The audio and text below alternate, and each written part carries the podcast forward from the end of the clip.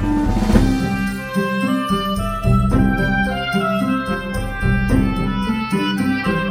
Welkom beste luisteraars bij weer een nieuwe kleine boodschap. Ja, welkom bij de podcast over alles Efteling. Met Tim Hinsen en Paul Sprangers. Tim, volgens mij is het reden voor een feestje vandaag. Ja, inderdaad. We hebben een eh, extra feestelijke aflevering. Want er is een, eh, een hoop goed nieuws waar wij heel blij van worden. Ja, want ik heb gehoord dat die klassieke shortcakes, dus echt de goeie met die witte chocolade en dan die dikke laag karamel, dat die weer terug zijn. Ja, ik liep inderdaad vorig weekend eh, in het Witte Paard en ik zag ze zo liggen bij de kassa. Ik moest gelijk aan jou denken. Ik heb ze nog niet getest, maar eh, als we weer terug zijn, ja, dan, dan moet het goed komen met de Efteling, toch? Ja, precies. Dat is voor jou dus inderdaad een, eh, een reden voor een feestje. En er is nog een reden volgens mij waarom jij eh, hier op de, de tafel hebt gestaan en waarom je slingers hangen. Dat hoeft niet iedereen te weten, maar ja, ja inderdaad. Want er komt een toilet bij Bekkerij Krummel. Hoppa. Daar Ja. heb je gewoon echt een, een half jaar op zitten wachten, geloof ik. Op het toilet. Ja, dan krijg je wel slapende benen, denk ik. Ja. Nee, dat er een nieuw toilet komt in het eh andere rijk, dat is wel goed nieuws wat mij betreft. Ja, daar heb je heel lang over zitten zeuren. En eh, deze week bleek eindelijk dat het er ook eh, daadwerkelijk gaat komen. Dankzij een, eh, een foto met de telelens. Hoppa, nou daar gaan we het daar nog even uitgebreider over hebben. Maar Tim, volgens mij heb jij ook een reden dat je heel vrolijk kunt zijn. Ja, inderdaad. Want het is weer herfst. Hey, en Tim is herfstman puur zang, hè? Absoluut. Met grote voorsprong wat mij betreft het, het allermooiste seizoen van het jaar. Lekker de blaadjes aan de bomen beginnen al te verkleuren.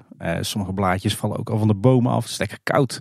Regen, haardvuurtje, warme chocomel, paddenstoelen. Wat wil je nog meer? Ja, nog het moment dat al die blaadjes verkleurd zijn en dat dan foto's uit de Efteling komen. Dat ik ja, precies. Ja, want inderdaad, eh, de Efteling is denk ik toch wel op haar mooist in de herfst. Oh, ik heb zin om in het lava rond te lopen, joh, met de herfst. Ja, daar heb ik ook echt ontzettend veel zin in. En ik ben benieuwd of onze luisteraars er ook zin in hebben. Tim, maar als je nou abonnementhouder bent, dan is er nog heel erg veel reden om een feestje te vieren. De vorige keer toen de aflevering uitkwam was het al zo. Toen we opnamen nog niet. Maar nu hebben we het altijd wel meegemaakt, Tim. We zijn op de Bonnefoy weer naar de Efteling gegaan. Ja, inderdaad, hoe fijn is dat? We kunnen weer gewoon zonder te reserveren de Efteling binnenlopen. Halverwege de dag voor een uurtje. Het kan weer gewoon zonder eh, de hele logistieke operatie van een reservering eh, te regelen. En wat is het heerlijk om nu in de Efteling rond te lopen. Hè? Eh, zo goed als alle coronamaatregelen zijn weg uit het park. De wachttijden zijn weer terug naar normaal. Het is echt wat mij betreft een, een ontzettend genot om nu weer door de Efteling te struinen. Ja, want wij hebben er al misbruik van gemaakt, hè? Ja, inderdaad. Wij zijn volgens mij eh, samen op een eh, thuiswerkdag eh, onze lunch in de Efteling gaan houden. En met een ritje Baron. Dat was een goede lunch. ja, inderdaad. Het werd een lange pauze. Maar goed, daar zullen we het maar niet te lang over hebben. En als we het dan toch over het mythe van elkaar hebben. Afgelopen zondag hebben we elkaar natuurlijk ook gezien. Tenminste, mijn ogen waren wel ergens anders op gericht. Maar we hebben in ieder geval in de buurt van elkaar gezeten. Ja, hoe heten ze? Nou, het was geen dame Tim. Hoewel, er kwamen wel wat dames langs. Maar het was natuurlijk de Fata Morgana documentaire van de Vijf Zintuigen. Waar wij bij de première waren. Ja, inderdaad. En wat was dat een topdag. Hè? Sowieso echt een prachtige documentaire. We gaan het er straks nog wel eh, even over hebben. Maar het was ook echt weer een, eh, een reunie van eh, alle Efteling-liefhebbers van de Lage Landen. En een heleboel luisteraars. En een hoop eh, Efteling corifeeën. Dus ja, mooie middag. Hé, hey, maar Paul, we hebben nou zo'n beetje al onze nieuwtjes al weggegeven. Hè? Betekent dit ook Ja. meteen het einde van onze nieuwsaflevering? Ja, ik kan eruit. Oké, nou, beste luisteraars, bedankt voor het luisteren. Tot de volgende keer. Dit klinkt ook een beetje vreemd als jij dat doet. Ja. Nou ja, Nee, we, gaan, we gaan wel gewoon verder. We hebben namelijk nog wat eh, follow-up gekregen. Onder andere op de vorige nieuwsaflevering, was het aflevering 236. 236 alweer. Daan die eh, wist ons ook te melden dat eh, Ride Sims, waar we het over hadden gehad, hè, waar je die simulatie van de Vliegende Hollander kon checken. We maakten een opmerking dat dit betaald leek, maar het blijkt een volledig gratis site te zijn. Dus alle simulaties die er beter zijn gehad, die zijn nu gratis te spelen. Je moet alleen even een account aanmaken, maar dat is verder ook gratis. kregen we nog een mailtje van Marianne. Eh, en ze schrijft, beste Tim en Paul, afgelopen tijd is mij opgevallen dat sommige scholen juist bij de eh, personeelsingang achter de droomvlucht binnenkomen. De school wordt opgevangen door een personeelslid van de Efteling op de laan voor de ingang. Waarna de klassen via de personeelsingang en daarna over de serviceweg achter de Laplace gestuurd worden. En dan over het spoor gebracht worden. Als alles veilig is in verband met de stoomtrein wordt de meute losgelaten. Ja, dit is eh, een stukje follow-up natuurlijk op het bericht dat wij hadden de vorige keer dat eh, de Efteling experimenteert met eh, de dienstpoort achter de Python. Als toegang voor, voor schoolklassen, schoolreisjes. Maar blijkbaar doen ze dat dus ook met de dienstpoort achter Droomvlucht. En ja, laten we hopen dat het een tijdelijk iets was in verband met corona en grote drukte. En dat ook alle groepen vanaf nu weer gewoon via het Huis van de Vijf Zintuigen binnen kunnen komen. Want ja, dit zijn, is toch wel een inferieure manier van de Efteling binnenkomen. Ja, die paar keer dat ik er ben geweest, toen leek het daar wel op. Dat ze gewoon weer via het Huis van de Vijf Zintuigen binnenkwamen. Dus ik denk dat het tijdelijk was. Alhoewel ik denk eh, dat het voor eh, sommige Efteling-liefhebbers ook wel een genot zou zijn om op die manier het eh, park binnen te komen over de dienstweg. Dat ook ja, maar ook omdat het dan een stuk minder druk is op het dwarrelplein Ja. natuurlijk. Hey, er was nog een, een, een klein foutje in de vorige aflevering geslopen van uh, ongeveer één decennia. Dus uh, Giertje 64 gaan we zitten op je stoel, niks aan de hand. Ja, het ging over de vallende boegbeelden uh, van de Vliegende Hollander. ooit ontworpen door Karel Willemen. Ehm, vier boegbeelden die zouden op de lifthill boven de, de trein naar beneden vallen. prachtige en ook enorm grote beelden. die zijn aangebracht in de Vliegende Hollander, maar die bleken eh, tenminste zo vermoeden wij, binnen het vrije ruimteprofiel te vallen. en dus zijn ze op een gegeven moment weer weggehaald. Nou, de vorige keer vertelden wij dat, er, dat we te horen hadden gekregen dat die er tot medio 2017 zouden hebben gehangen. Maar dat is helemaal niet waar. Die hebben er tot medio 2007 gehangen. Dus een, een aantal maanden na de opening. dus dan is het toch ineens een heel een stuk minder spectaculair nieuwtje. Die hebben we af en toe ook wel een paar. Hey Tim, de vorige nieuwsaflevering, toen heb ik uitgebreid verteld over mijn ervaringen bij Caro. Daar was ik weer heen geweest hè, sinds de, de herstart van de show. Jij bent er inmiddels ook geweest hè? Ja, inderdaad. Wij zijn er ook geweest op een uh, zaterdagavond met het, uh, het hele gezin. Um, van tevoren dachten wij, nou uh, lekker even in Pinocchio's Pizza en Pasta restaurant eten. Dat is lang geleden dat ik daar ben geweest. Maar dat zat helaas vol. gelukkig konden we wel terecht in de vrolijke noot. Dus echt heerlijke loaded fries op. Dat is ook wel een aanrader. Maar mocht je dus willen eten in Pinocchio, uh, reserveer dan ruim van tevoren. Dat is denk ik wel de tip. Maar dan, uh, Caro, het was voor mij persoonlijk uh, de derde keer. Ik moet zeggen, ik heb er enorm van genoten. Het was toch wel weer een hele andere ervaring. sowieso natuurlijk omdat ik nu met het hele gezin was. Maar ook na de aflevering die we met, met René Merkelbach hebben gemaakt. Waarin hij uitgebreid vertelt over het componeren van de muziek. Ja, je merkt dan toch dat als je dan in de zaal zit, dat je veel meer op de muziek gaat letten. Dus dat was, was heel tof. Uh, voor Anne was het de tweede keer, voor de kids was het uh, de allereerste keer. Ik was van tevoren wel benieuwd hoe, hoe zij het zouden gaan vinden. Nou, mijn dochtertje van 2,5 die heeft de hele show met een open mond en zitten kijken, helemaal gebiologeerd. en het bleek achteraf echt ervan genoten te hebben. En mijn oudste dochtertje van 4,5 die, die, die praatte de oren van mijn hoofd. Die had alleen maar vragen. Wie is dit? Wie doet dat? Waarom is dit? Wat is dat? Wat moet dat voorstellen? Dus die had ook een, een hele leuke avond. Dus nee, we waren eigenlijk alle vier super enthousiast. Echt genoten van Caro. Ik zou trouwens ook met gemak nog een keertje willen. Eén klein smet op het geheel is dat het, het watergordijn defect was een groot deel oh. van de show. Dat, dat is toch wel jammer, want dat is wel een redelijk vitaal effect. Maar ja, buiten dat echt een topshow gehad en ook een hele leuke avond. Dus ja, absoluut een aanrader. Jullie werd de survey lijkt wel opgevoed? Ja, die werd wel opgevoed. Oké, dus we hebben alle twee net een mankementje gehad. Toch wel een groot mooi aandeel van de show waren. Ja, nou, des te meer oh. reden om nog een vierde keer naar Caro te gaan, denk ik. Ja, dat is waar. En dan moet iedereen mee mee. Ik, eh, ja, wat mij betreft wel. Ja, we hebben ook wat follow-up gekregen op de vorige aflevering, Tim. De aflevering 237, dat was de glazen bol. Klaag vaak, die uh, probeerde mij namelijk bij te staan. Die zei, wellicht een beetje mosterd naar de maaltijd. En ik weet niet precies hoe de stelling geformuleerd was. Maar er was een sluiting die wel degelijk vier weken heeft geduurd. Namelijk die van de halve maan. Ik vind het wel een half puntje waard. Maar Tim, hoe zit het nou precies? Want, want buiten dat de halve maan misschien dan niet onder de grote attracties valt, wat het wat mij betreft niet doet is het met die datums ook nog een beetje... Ja, we hebben het even, even opgezocht aan de hand van de, de tweet van Klaag Vaak. Um, nou, de halve maan was vorig jaar van 4 juni tot en met 3 juli gesloten. Nou, dat is, ja, dat is exact een maand. Uh, alleen hij stond ook al oorspronkelijk op de onderhoudsplanning van 14 tot en met 17 juni. Dus dan vallen er weer vier dagen af. Dus het is net geen vier weken. Maar aan de andere kant, ik vind dit wel een, een langdurige sluiting van nou, toch wel een, eh, een, een redelijk grote attractie. Dus wat mij betreft eh, krijg je er uh, al een klein beetje als mosterd na de maaltijd inderdaad, krijg je er toch een puntje bij over 2020. Oeh, toch een heel punt. Ja. Oké, maar uiteindelijk maakt het niet uit, want de, hoe moeten we noemen, de all-time score is nog steeds 1 over ja, Tim. Ja, inderdaad. en ik denk dat je mij vrij gemakkelijk eh, gaat inhalen. Want we hebben inmiddels alweer het een en ander eh, opgevangen over de planning eh, van de komende jaren. En ik ben bang dat ik niet zo goed ga scoren in de volgende editie. Ik vrees ook niet heel erg veel voor punten verliezen. Dus dat komt wel goed, denk ik. Ja, jij staat er beter voor dan ik. Maar voorlopig nog geen officiële punten. Maar het zou ook heel snel zijn, hè? Na een dag of, nou, als we het opnemen, 4-5. Dan hoofdonderwerpen, Tim. Ja, we kunnen niet om de wereld van Simbad heen. Ze zijn er volle bak aan het klussen. Het gaat enorm hard. Ik denk dat onze luisteraars die het allemaal niet in de gaten hebben gehouden wel willen weten hoe het ervoor staat. Ja, inderdaad. En wij hebben natuurlijk dagelijks in de gaten gehouden. Is het niet in het park zelf, dan wel met eh, de vele bouwfoto's op Twitter of uh, de vele filmpjes op YouTube. We volgen het op de voet. Ja, wat is er de afgelopen twee weken allemaal gebeurd? Er is hard gewerkt aan de rieten kappen. er gaat een nieuwe riet op. De rieten kap van Sirocco, die is grotendeels gereed. En ook het, het bamboe hutje uit het voormalige avonturendolhof heeft inmiddels een nieuw rieten dak gekregen. En die hebben ze een hele mooie gelaagde rietenkap gegeven. Met zeg maar vier verschillende niveaus erin. Dat ziet er echt heel vrij uit. Uh, zijn ze zoiets ook niet aan het doen bij de kap van de Sirocco zelf, dus wat die boven de bootjes zit? Want ik had het idee dat ze die eerst gewoon strak maakten, maar dat ze nu van boven naar beneden daar ook wat lager aan het aanbrengen zijn. En dan wel steeds de zeil overheen gooien, maar... Heb ik niet gezien. Volgens mij zijn ze daar gewoon uh, een beetje redelijk standaard aan het riedekken. Maar we gaan, het, we gaan het zien de komende weken. Maar het, ja, het riedekken is dus grotendeels gereed op de bouwplaats. er is ook hard gewerkt aan het aanleggen van alle nutsvoorzieningen. Dus denk aan, aan de gas, aan water, aan elektriciteit. Maar oh, natuurlijk wat? Gas? Ja, gas. Hè? Gas? Bij Sirocco. Voor het park wat gasloos alles wil gaan doen. Ja, nou ik heb wel heel wat gele leidingen gezien. En geel staat uh, tegenwoordig toch echt voor gasleidingen. Dus ik zat te denken, gaan we niet wat fakkels krijgen in dit themagebied? Oeh, nou ook wel ver weg van de rieten daken. Maar, maar ja. het zou wel passen in, in de avond, ja. Ja, misschien langs de paden. Beetje vergelijkbaar met de Fata Morgana, met de entree daar. Ja. Hmm. Dat zou kunnen, maar, maar buiten bereik van mensen en zo houden. Hoe is dat te doen? Zijn er plekken waar dat kan? Ja, volgens mij wel. Je ziet dat in, bijvoorbeeld in Disneyland Parijs en Adventureland toch ook? Ja, dat is waar. Ja. Nou, niet goed voor de CO2 en stikstofuitstoot, maar laten we hopen dat het meegerekend. Ja. ja. Maar goed, alle nutsvoorzieningen liggen er inmiddels in. Ook een hoop uh, data en, uh, en, glasvezel en dergelijke.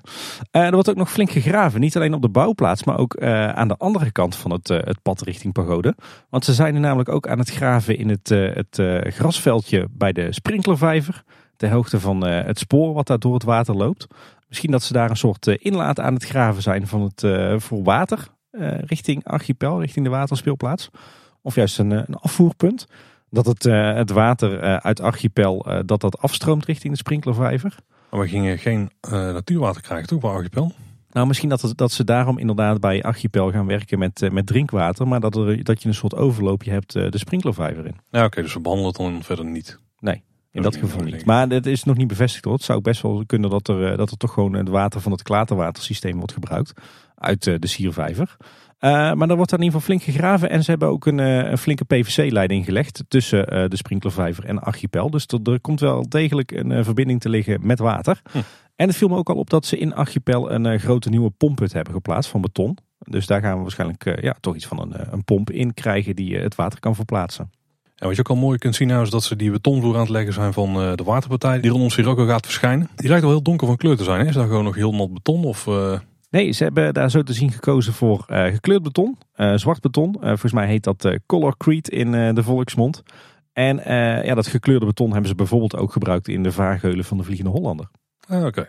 Dan hoef je, het niet, hoef je de vaargeul niet te verven, of in dit geval de vijver. Als ze bij Disney nog wel zullen doen. Ja, inderdaad. Dan kan je beter beton pakken wat al van zichzelf al op kleur is. En door te kiezen voor een hele donkere kleur lijkt het waarschijnlijk straks ook alsof het een stuk dieper is, het water. Wat me trouwens wel opviel is dat ze nou toch de, een deel van de vijverranden van de oude waterpartij rond Musje Cannibal hebben weggehakt. Waardoor de nieuwe waterpartij van zwart beton aansluit op de oude waterpartij. En die is dan wel nog gewoon van grijs beton. Kunnen ze daar nog een laag overheen zetten of zo? Ja, die zouden ze kunnen, kunnen koten. Alleen heb je daar dan dus wel uh, onderhoud aan. Ja, wat we ook al zien, en dat is wel cool, je ziet van die uh, grote bekisting liggen. Van die houten vormen die ze hebben gemaakt, hè, veel rond en zo. Je ziet ook al dat ze bewapeningen uit die vloer hebben uh, steken. Dus die nou, bewapening hoor. Tenzij je denkt dat ze met de Kalashnikovs daar uh, rond gaan rennen. Zou zo maar kunnen. Maar dan bedoel je wapening, ja. moet ik zeker zeggen. Ah, nou, in ieder geval wapening die zie je eruit steken. Dus die metaal uh, binnenstructuren netten.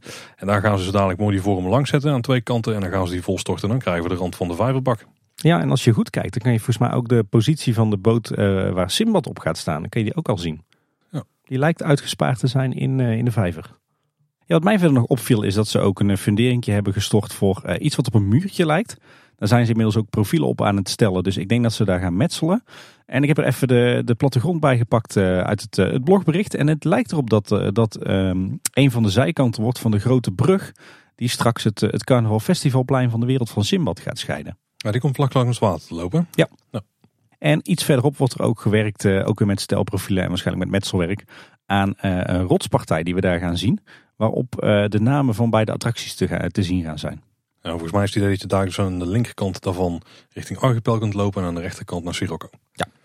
Ja, wat ook nog opviel is dat uh, enkele van de meanderinghekken van de oude wachtrij van Musje Cannibal, die zijn blijven staan. Uh, er zijn een aantal van uh, wit geschilderd. Misschien een soort grondlaag voor straks een definitieve nieuwe verflaag. En er is ook een stalen bruggetje gelegd uh, vanaf de kant naar de draaischijf van uh, Sirocco. Ik dacht in eerste instantie dat is misschien een tijdelijk werkbr werkbruggetje. Maar ik heb hem nu ook gezien op luchtfoto's. En het lijkt erop dat dat uh, de nieuwe toegang tot de meandering wordt. Ah, oké, die is aan de linkerkant van Sirocco komt te liggen. Ja, dat is zeg maar een soort stalen constructie uh, waar straks uh, vlonderplanken op worden gemaakt en er weer die bamboe uh, hekjes op worden gemonteerd. Ja, als ik het goed heb gaat hij eerst naar een eilandje. Vanaf het eilandje loopt dan een brug over het water die uiteindelijk in een bocht weer aansluit op de oude meanderingen. Ja, klopt. Ja. En als we nou goed spieken, dankzij een paar telelensen van Efteling liefhebbers, onder de rieten kap van Sirocco, dan zien we daar al die armaturen hangen, Tim, die lampen. Ja, inderdaad hele fraaie, hele fraaie armaturen.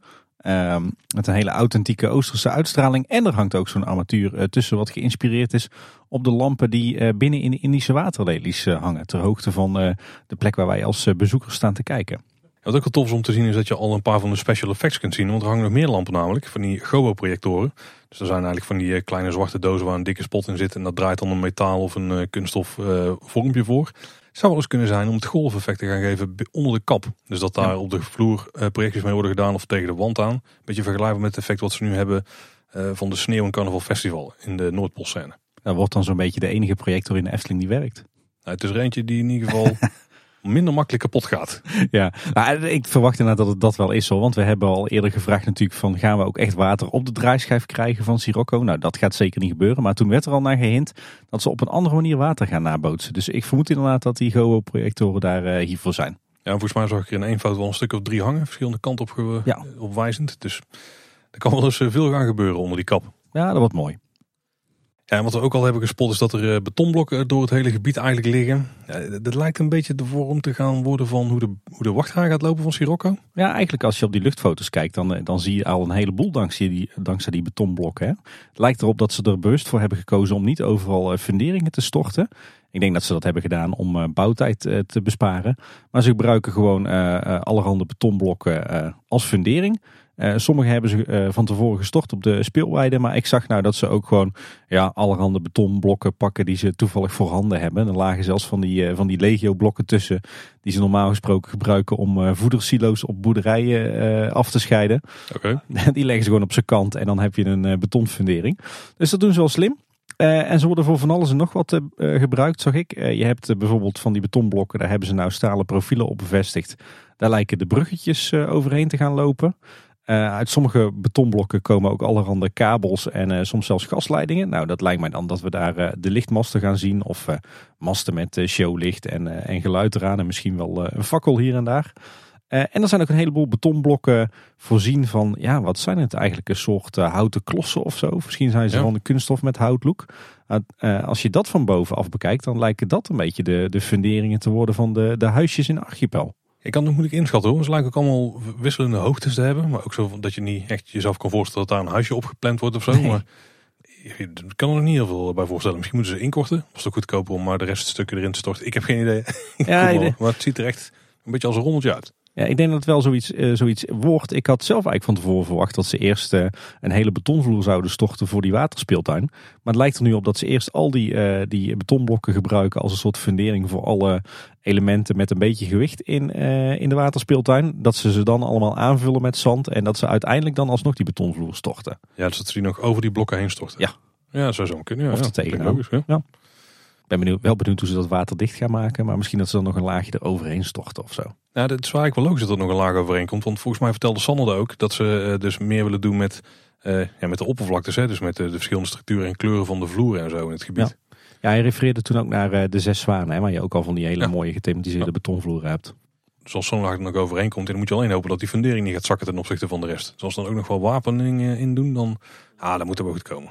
Anders krijg je straks allemaal scheuren in de betonvloer ter hoogte van die betonblokken. Ja, waar dus water in eh, vastgehouden moet worden. is niet zo'n handige combinatie, denk ik. Nee, dan een keertje vorst eroverheen. uh. Ach, dan hebben wij weer heel wat te bespreken in ons uh, onderhoudsblokje. Maar ik neem aan dat ze daar heel goed over hebben nagedacht. Het is geen waterbetten. Er zijn ook een aantal kookpotten van de Monsieur Cannibal gespot. Die zijn namelijk naar het buitenterrein van Café de Efteling verhuisd. Ja, inderdaad. Er stond ook al de proefboot van de Vliegende Hollander. Dus het, het wordt er een soort opslagplaats van allerlei Efteling-reliquieën. Misschien wordt het Tweede Efteling Museum. Ja, Nou, ik, eh, ik ben wel voor een rondleiding eh, te plaatsen. Met een buitenruimte. Dat is ook best wel tof. Ja, Een serieus. Efteling museum. Ja. Ik zag vandaag trouwens ook op, eh, op social media ook een eh, prachtig bordje voorbij komen. Een naambordje Café de Efteling. Echt in, met, met een hele originele vormgeving. Volgens mij echt speciaal daarvoor gemaakt. Met, met heel veel Eftelingse elementen erin. Dus ze zijn echt wel bezig om van dat Café de Efteling eh, een eh, bijzonder plekje te maken. ja, zeker. Ik zag alleen wel de rentokil ook al staan. Dus ze zullen er ook wel ongedierte hebben. Maar ja, dat heb je natuurlijk als je een hoop oude meuk in de tuin gooit. Hè. Misschien zijn ze daar de rattenvanger van Hamelen aan het eh, proef opstellen. Zou zo maar kunnen. Nou, wil je zelf in ieder geval de updates ook gewoon zien met eigen ogen? Ja, er zijn heel veel Efteling-liefhebbers die daar mooie foto's en video's van maken. Mezelf kijk ik vaak de updates van Eftel Wesley. Die neemt er echt de tijd voor en die staat daar met zijn zoomcamera echt op alle details in te zoomen. Ja. Dus eh, die video's eh, die linken we ook even in de show notes. Maar als je op Twitter even zoekt naar de wereld van Simbad hashtag, dan vind je heel veel liefhebbers die daar foto's van plaatsen. En daar maken wij gretig gebruik van. Uiteraard, ja, dank daarvoor. En dan doen we het project aan de andere kant van het park, in Bekkerij Krummel. Ja. We zien er aan de buitenkant van het gebouw niet zo heel veel meer gebeuren. Maar dit kan echt niet al lang meer duren voordat het open gaat. Ja, je zou zeggen van wel. We hadden zelf in eerste instantie geruchten opgevangen dat eh, de bekkerij waarschijnlijk medio november open zou gaan. Maar we hebben inmiddels van een, eh, wat insiders begrepen dat het eh, begin december zou worden. Het nieuwe personeel gaat wel al eerder aan de slag. Maar dat is waarschijnlijk met het trainen en het oefenen. En er zijn trouwens weer nieuwe vacatures voor bekkerij Krumel, zag ik op de Efteling website. Dus mocht je nog een baan ambiëren in de bakkerij, dan zorg dat je erbij bent. Maar het wordt waarschijnlijk dus begin december dat we voor het eerst de pretzels kunnen gaan proeven. Oh, dan kunnen ze meteen de pepernoot en kruidnoot ook in de oven gooien daar. Ik eh, ben voor. Ja, zeker. Hey, maar de stand van zaken, Tim. Het gaat om eh, buitengebied, verharding en zo. Dit, dit, dit is echt helemaal jouw ding, hè? Dit is eh, mijn werk hè. En, en dus ook mijn hobby. Nou, dat is altijd mooi. Dat is een goede combi. Ja, ja er wordt, eh, wordt nog heel hard gewerkt aan het, de, de inrichting van de buitenruimte. Er is gewerkt aan de, de verharding. Eh, heel veel straatwerk aangebracht. Eh, rond een gedeelte van het gebouw, eh, zeg maar dicht tegen het gebouw aan, zien we heel erg gemêleerd straatwerk. Dus eh, gebakken materiaal in allerhande kleurtjes. En daar rondomheen, daar ligt gewoon heel erg stijlvol roodbruin gebakken materiaal. Dus dat ziet er heel vrij uit. Verder zijn er bankjes aangebracht. Er zijn plantvakken gemaakt. Daar moeten nog wat hagen in worden aangeplant.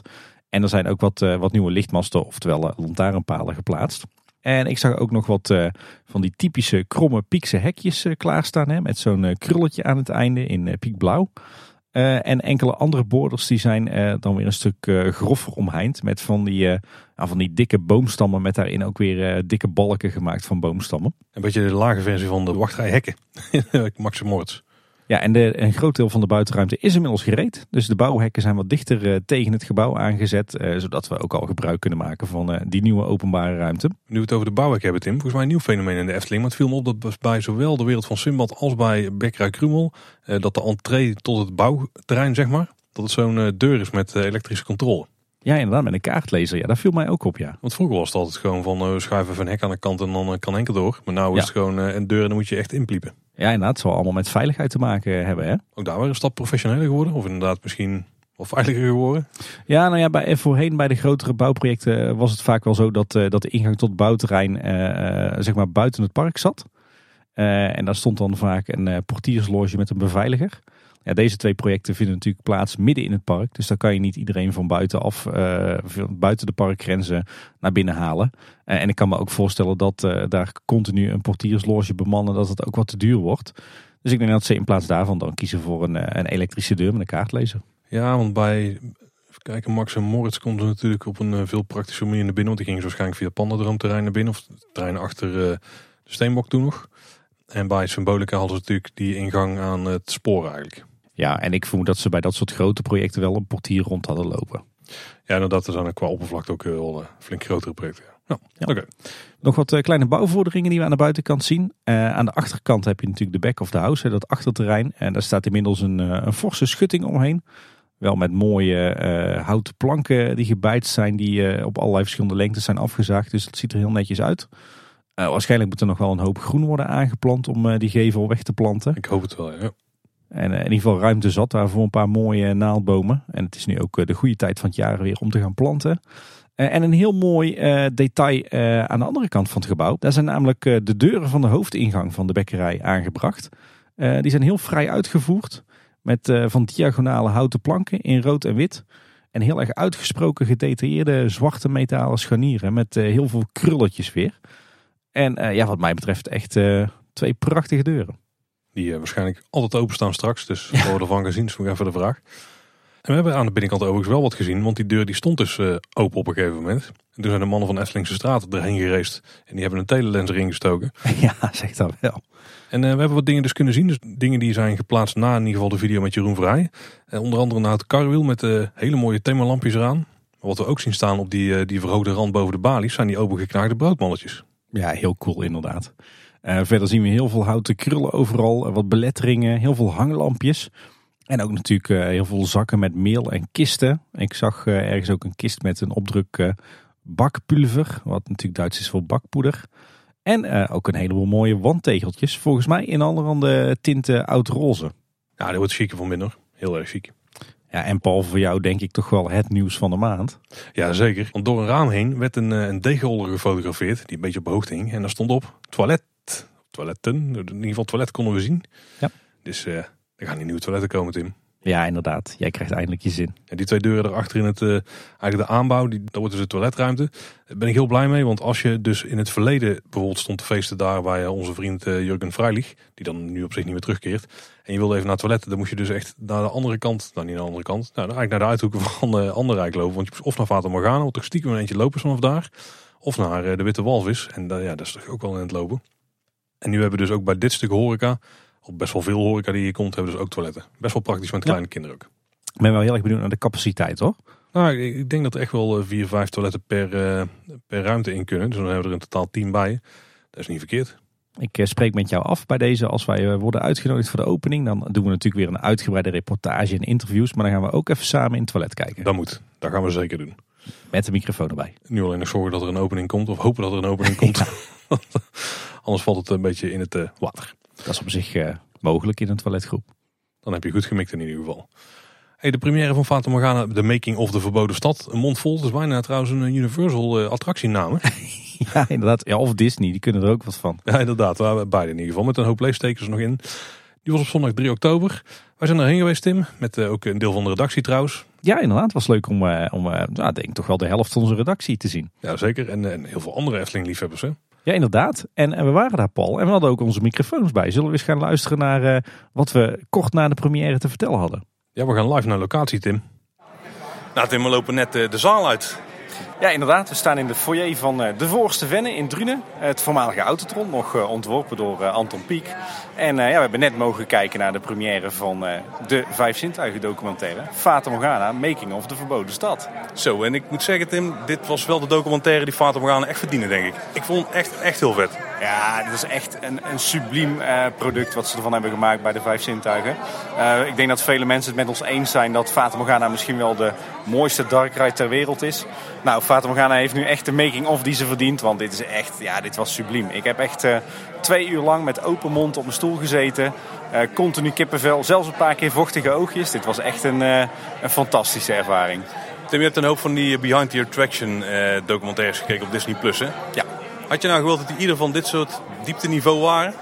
Ja, was het maar zo'n feest. Hè? dit was echt, nee, dit was echt top. De diepgang inderdaad. Uh, maar ook de verschillende disciplines die aan bod kwamen. Hè? Het ging niet alleen om het, uh, het ontwerp en de animatronics. Wat dat toch meestal de onderwerpen zijn die meestal terugkomen. Maar er was ook echt volop aandacht voor de kleding, voor de belichting, voor uh, de, de, de hele elektrotechniek erachter, de besturingstechniek. Ja, dat is gewoon enorm interessant. Heel veel gezien en, en gehoord wat we nog niet eerder wisten. Ja, de documentaire duurt twee uur en ik denk dat ze de verschillende themablokjes heb ik denk een stuk of tien of zo. Ja. Die duren ieder tien minuten tot een kwartiertje. En dan heb je daarmee dus de twee uur eh, vol. En eh, wat jij zegt, ja, vooral stukjes elektrotechniek. Er zijn zaken die ze normaal helemaal niet uitlichten. Maar die hierbij best revolutionair waren. Zeker voor de Efteling. Met de eerste computers die ze nog in houten kisten naar binnen hebben moeten sjouwen en zo. Ja. Dat is wel echt heel vet om te zien. En dat ze de printplaten nog zelf hebben zitten klussen daar. Hoewel, ja, de, de, ja ja, bijzonder. echt serieus, ja, echt heel vet. Ja. ja, en ik moet zeggen, we hebben toch best wel weer wat nieuwe dingen geleerd over hoe de animatronics in Fata Morgana werken. Hè. Een behoorlijk uh, inkijk gekregen in het hele productieproces. Dat was ook wel echt uh, bijzonder uh, indrukwekkend. En heel veel unieke beelden van de reis die Ton naar Marokko maakte om oh, alle requisieten te halen. Dus ik heb echt zitten genieten. En ook sowieso bijzonder waar die requisieten zijn gebleven. Toen ze nog niet echt waren betaald door de Efteling op dat moment, bijvoorbeeld. Ja, er zitten heel wat, uh, wat prachtige anekdotes uh, in en ook uh, momenten waar je hard om, om kan lachen. Nee, dit, dit geeft echt prachtig weer vanaf het allereerste begin tot en met de oplevering hoe Fata Morgana in toch zes jaar tijd tot stand is gekomen. Het was echt in die zin een heel complete documentaire. Alles zit erin. Ja, en er is ons beloofd dat wij de making-of van de making-of kunnen gaan maken. Wederom met Marwin en Sander en wie weet wie er nog bij aanschuift. Want er waren vrij veel mensen bij betrokken. Eh, dan gaan we hier nog veel dieper eh, op in. Maar voor nu is het eh, ja, jammer voor iedereen die er niet is geweest. Want je moet denk ik gaan afwachten dat hij op YouTube verschijnt. Maar wanneer dat gaat gebeuren is nog niet helemaal duidelijk. Maar ze willen hem wel uitbrengen op YouTube. Ja, en ik denk dat we er op dat moment inderdaad uitgebreid over gaan hebben met de mannen van de vijf zintuigen. Ik hoop trouwens ook dat ze hem in het, het Engels uitbrengen. Of in ieder geval zorgen voor Engelse ondertiteling. Maar ja, dit is echt een making-of van internationale allure. En ik vind dat toch de hele wereldwijde pretpark zien maar eens mag zien hoe, met hoe enorm veel vakmanschap en liefde die attractie in elkaar is gezet. Dus uh, ik hoop echt dat ze dat ook gaan doen. ik denk dat uh, de, de, Amerikaanse Disney-liefhebbers uh, hier nog ook hun vingers bij af zullen likken. Ja, dat zeker. Jij ja, zegt trouwens vakmanschap, maar het is af en toe ook wel een beetje kneuterigheid. Typisch kaatsheuvels. Beetje knutselen en frotten zoals we dat doen in, in de cats. Wat ik overigens trouwens vandaag ook wel leuk vond, want we zijn dus in de voorste Venne bij de première geweest. Het was echt alweer een, een reunie, hè? Ja, dat sowieso, ja. En niet alleen met mensen die in, in de liefhebbers zien bekend zijn, maar dus ook een hoop oudgedienden van de Efteling die hadden ook eh, hun eigen individuele reunietjes. Ja, inderdaad. Ik zag aardig wat mensen bij elkaar in de armen vliegen. Eh, ja. ja. Ook aardig wat mensen die we al hebben gesproken, maar ook een paar mensen die we nog niet hebben gesproken. Nee, nou, er staan nog wel een aantal op ons verlanglijstje. Die moeten we nog uh, zien te strikken. Het was in ieder geval wel tof om heel veel van onze luisteraars in het, in het echt te zien en handjes te schudden. Oeh, ja, want dat mocht ook weer natuurlijk. Ja, Eerste grote evenement waarbij we met de QR-code naar binnen konden en geen anderhalf meter afstand hoeven te houden. Nee, nou, dat was ook een bijzondere ervaring, een bijzonder fijne ervaring. Ja, zeker, zeker. Nou, in ieder geval mannen van de vijf zintuigen. Vanaf eh, de voorste Venna waar jullie nu ergens in een eh, achterkamertje zitten met de, de genodigden en wij helaas niet. Super goed gedaan, gewoon echt een hele toffe documentaire. En uh, ik denk dat alle bloed, zweet en tranen die erin is gestopt, dat die er dubbel en dwars voor de liefhebbers zijn uitgekomen. Ja, grote complimenten. Deze docu is echt met, uh, met liefde en passie gemaakt. En we hebben er enorm van genoten. Ik kan ook niet wachten om hem thuis nog een paar keer te zien via YouTube. Maar echt enorme complimenten. En ik heb diep respect voor, voor alle inspanningen die jullie hebben geleverd. En, en alle passie die erin is gaan zitten. ja, iedereen moet dit gaan zien zodra het kan. Maar dit, we, we hadden hier echt een topdag. Nou, we zijn weer terug in de studio. En die documentaire, die was gewoon heel tof. als je Efteling liefhebber bent en je hebt ook maar iets met Fata Morgana. Al heb je trouwens helemaal niks met Fata Morgana, maar wel met de Efteling. Dan moet je die gewoon gaan zien zodra het kan. Dat is een beetje de grote vraag eigenlijk. Hè? Die, bleef, die bleef hangen. Ja, inderdaad, want hij moet op YouTube gaan komen. Maar ze hebben nog wat gedoe met, uh, met rechten en dergelijke. Dus het is nog even onduidelijk wanneer dat hij online komt. het zou zelfs kunnen dat hij nog op tv wordt uitgezonden ook. Want ze zijn ook met wat partijen daar in gesprek. Oh, cool. Dat wist ik helemaal niet, joh. Misschien lokale omroepen, maar misschien ook wel uh, wat grotere omroepen. Nou, op Omroep Brabant zou dit niet meer staan, denk nou, ik. Daar zou die absoluut niet meer staan. Ja, dat is echt wat een topproductie. Hè? Ja, ik eh, moet zeggen, eh, we zijn inmiddels een week verder. Uh, ik baal ervan dat we hem nog niet terug kunnen kijken, want ik had hem graag een tweede keer gezien. En er werd stiekem toch heel veel verteld en uitgelegd wat we nog niet wisten. Hè? ik dacht altijd dat we dat nokkenschijfsysteem van die animatronics wel hadden doorgrond. Maar we hebben daar toch weer heel veel van gezien te zien gekregen. Wat we nog niet wisten. Maar ook over de besturingstechniek, over de belichting allemaal dat soort hele technisch inhoudelijke zaken, die werden gewoon zo uitgebreid behandeld. Het was echt, eh, ik uh, likte mijn vingers erbij af, zeg maar. Ja, maar ook de, de kleding en de studiereis en de inkoopreis van Ton trouwens. Ook een mooi verhaal. Ja, wat, wat een anekdote is inderdaad. Zal ik trouwens jou eens eh, heel erg jaloers maken, Tim, en dan specifiek jou? Ja. De mensen die genodigd waren, want misschien om een beetje het beeld te schetsen in de zaal, waren de eerste tien rijen die waren gereserveerd. Want er waren genodigd, hè, dus de mensen die hadden meegewerkt aan de documentaire, de familieleden daarvan, eh, de mensen van de Vijf Zintuigen, maar ook um, mensen die bijvoorbeeld beeldmateriaal hadden geleverd of videomateriaal. En de Efteling zelf natuurlijk, dat de mensen die daar vanuit de Efteling erbij betrokken waren, die mochten dan daar zitten. Die hadden naar de rand nog een, een borrel en daar heeft dus iedereen een dvd mee naar huis gekregen, Tim. Om hem nog een keer te kijken. Ah. Maar wel een dvd, dus ik had er geen zak aan gehad. Maar jij wel. ik wel, ja. Ja, nou ja, laten we hopen dat hij snel op YouTube uh, komt. En dan gaan we er trouwens ook nog uitgebreid over doorpraten met, uh, met de mannen van de vijf zintuigen. Want die afspraak hebben we staan. We gaan een uh, making of the making of maken. Dat wordt dan dus kleine boodschap. De making of Fata Morgana, making of de verboden stad. Exact. Nou, daar kan je nog Universal nog echt een puntje aan zuigen. ja, precies. Weet je wat ik eigenlijk nog een heel leuk bijeffect vond bij die première?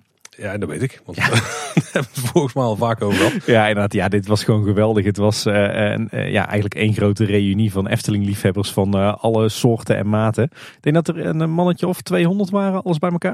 Nou, volgens mij bijna 300, want de zaal er konden ruim 300 man in. En ik begreep dat er op een stoel of 40 na dat, dat alle plekken bezet waren. Eh, die 40 stoelen waren overigens wel fijn, want dan kon je net een beetje afstand nog houden Ja. her en der. Dus er waren heel veel mensen. Ja, en het was eh, lang geleden denk ik dat we met zoveel Efteling-liefhebbers bij elkaar zijn geweest. Ja, en ik kan daar echt van genieten hoor. Zoveel bekenden. Eh, Volgens mij zo'n beetje alle pretparkpodcasters van, eh, van Nederland en België waren er. En een hoop vloggers gezien. Een heleboel Efteling-liefhebbers. Een heleboel luisteraars van ons ook trouwens. Ook nog heel veel oude bekenden. Ik zag zelfs mensen uit mijn Wonderchat-tijd die ik al twintig jaar niet gezien had. Ook heel veel oud-Eftelingers natuurlijk. Echt Efteling-corifeeën. Eh, ja, en eh, ja, ook na de première hebben wij denk ik nog een eh, uurtje of twee staan napraten met Jan en Alleman. Ik had geen stem meer over aan het eind van de dag. Nou, het viel me dat, het- dat het na de première een stuk rustiger werd in één keer daar. Qua gebouwindeling was dat niet ideaal, denk ik. Want als je de zaal uitkwam, dan was het makkelijker om je jas te pakken en meteen weg te gaan. Dan helemaal weer terug te lopen naar de zaal waar iedereen voor of een drankje pakt. Want ik denk dat we daar met een man of 40, 50 Ja. overbleven. Ja, dat was de, de harde kern. Ja, heel veel mensen gingen na de docu meteen eh, naar de Efteling om een ritje Vata te doen. Maar eh, snap ik ook wel hoor. wij zijn volgens mij tot het allerlaatst blijven hangen. En ik heb nog gegeten met de afvaardiging van de redactie. Ook heel gezellig. Ja, inderdaad. Het was echt een, eh, een topdag. En wat dat betreft zouden we dat eigenlijk als Efteling-liefhebbers vaker moeten doen. Samenkomen in grote getalen. Want dat was misschien wel net zo tof als het documentaire zelf. Ja, ja, ja. Maar dat neemt niet weg dat die documentaire echt heel tof was. Hè? Het was gewoon een extreem toffe dag. Ja, daar komt het eigenlijk wel op neer. Ja, nogmaals, mocht die dadelijk ergens te zien zijn, zelfs al is het op een lokale omroep, zorg dan dat je bij iemand thuis zit waar je het kunt kijken. Eh, want dit wil je echt zo snel mogelijk zien. Liefst met de Efteling-liefhebbers eh, onder elkaar. Met wat dadels erbij en wat eh, Turks fruit. En dan heb je de avond van je leven. Misschien moeten we de Fabula bioscoop gewoon even hijacken voor een paar dagen. Dan kunnen we ze alle dagen gewoon weer kijken. Ik denk dat we die met gemak voor krijgen, ja. En dan beloof ik dat wij gaan napraten in het Fabula restaurant. Maar trouwens, even, even terugkomen op, eh, dus eh, follow-up Tim van echt eh, bijna anderhalf, twee jaar geleden. Twee jaar geleden denk ik al. Toen hebben we die Fabula burger ooit een keer op. Ik weet niet precies hoe die heet, maar dat ding met kip en een beetje eh, tomaat en paprika. De eh, burger. De Savanne burger, ja. Vond ik toen helemaal niks. Maar we hebben hem dus laatst weer op met onze lunch. Ja. En ik vond het echt een prima burger nou. Dat ding is eh, op, helemaal opgeknapt of opgebloeid. Ik weet niet wat ze hebben gedaan. Hij was trouwens ook heel erg warm. Dat was ook wel prettig. Maar dat is echt een prima burger. Aanradertje. Ja, dan zat ik daar met mijn eh, pistoletje tonijnsalade. Dat is een, eh, een keuze, Tim, die de rest van jouw leven gaat beïnvloeden. Was wel gezellig. Moeten we eigenlijk ook iedere week doen. Gewoon iedere week even met z'n tweeën redactievergadering in de Efteling. Ik denk dat mensen ervan uitgaan dat we dat doen. Maar dat is dus niet zo. Maar dan moeten we dat wel wel vaker doen. Ja, was gezellig. precies.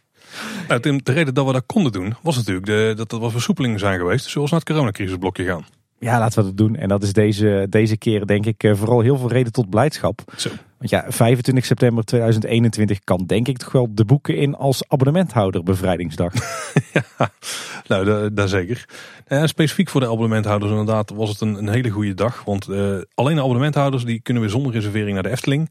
En, en dat beïnvloedt toch wel heel erg de manier waarop je van je abonnement kunt genieten. Ja, inderdaad. Ik, ik kon er het eerste weekend niet zijn. Toen was ik een weekendje weg. Maar sindsdien ben ik eh, volgens mij alweer drie keer eh, drie dagen geweest. In een periode van een week. Dus eh, dat wil wel wat, wat zeggen. Ja, wat, wat gewoon een groot voordeel is van het feit dat je geen reservering meer nodig hebt. Nog even los van het feit dat het een hoop stress scheelt en een hoop administratief gedoe.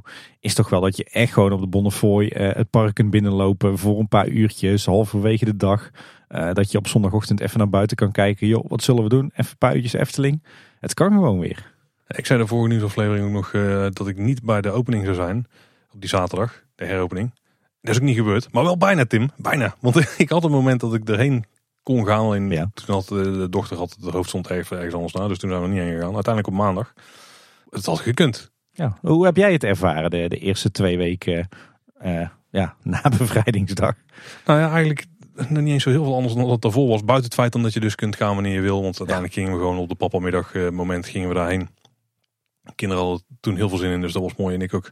Eh, het was nog steeds vrij druk, want het is in principe ook wel zo dat de capaciteit op oud niveau is. Want volgens mij zijn er echt enorm veel schoolreisjes die tegenwoordig in het voorjaar of in het najaar, dus het, dus het begin van het schooljaar naar de Efteling gaan. Want het was echt enorm druk. Ja, ik geloof dat het tegenwoordig helemaal de trend is. Hè? Schoolreisje aan het begin van het schooljaar als een soort van eh, teambuilding in de klas. Ja, nou ja, en dan in de hoop dat misschien eh, bepaalde toeristische attracties wat rustiger zijn. Nou, dat is dus niet. In ieder geval op maandagen, dan ga ik vaak. Die lijken nog een beetje druk te zijn op dit moment. Val- Viel me de afgelopen weken sowieso op. Dinsdag is het al wat eh, rustiger in veel gevallen. Dus misschien moet ik even gauw eh, papamiddag wisselen. Ik ben vorige week op eh, dinsdag en woensdag geweest. En die dagen waren toch allebei een stuk rustiger. Dus ik denk inderdaad dat het heel erg met de schoolreisjes samenhangt. En sowieso de enorme drukte waar sommige mensen bang voor waren. Die bleef wel uit, hè, behalve dan misschien het eerste, het eerste weekend van 25 en 26 september.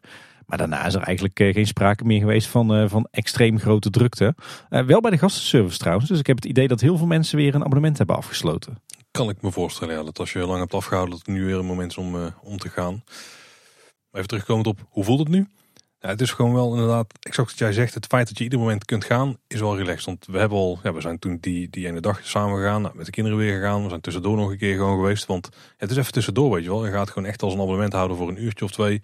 Ja, maar ik vond het ook wel relaxed dat we eindelijk weer gewoon als gezinnetje gewoon een volle zaterdag het park in konden. Zonder dat we van tevoren in spanning moesten zitten of het nog zou lukken om een reservering te krijgen.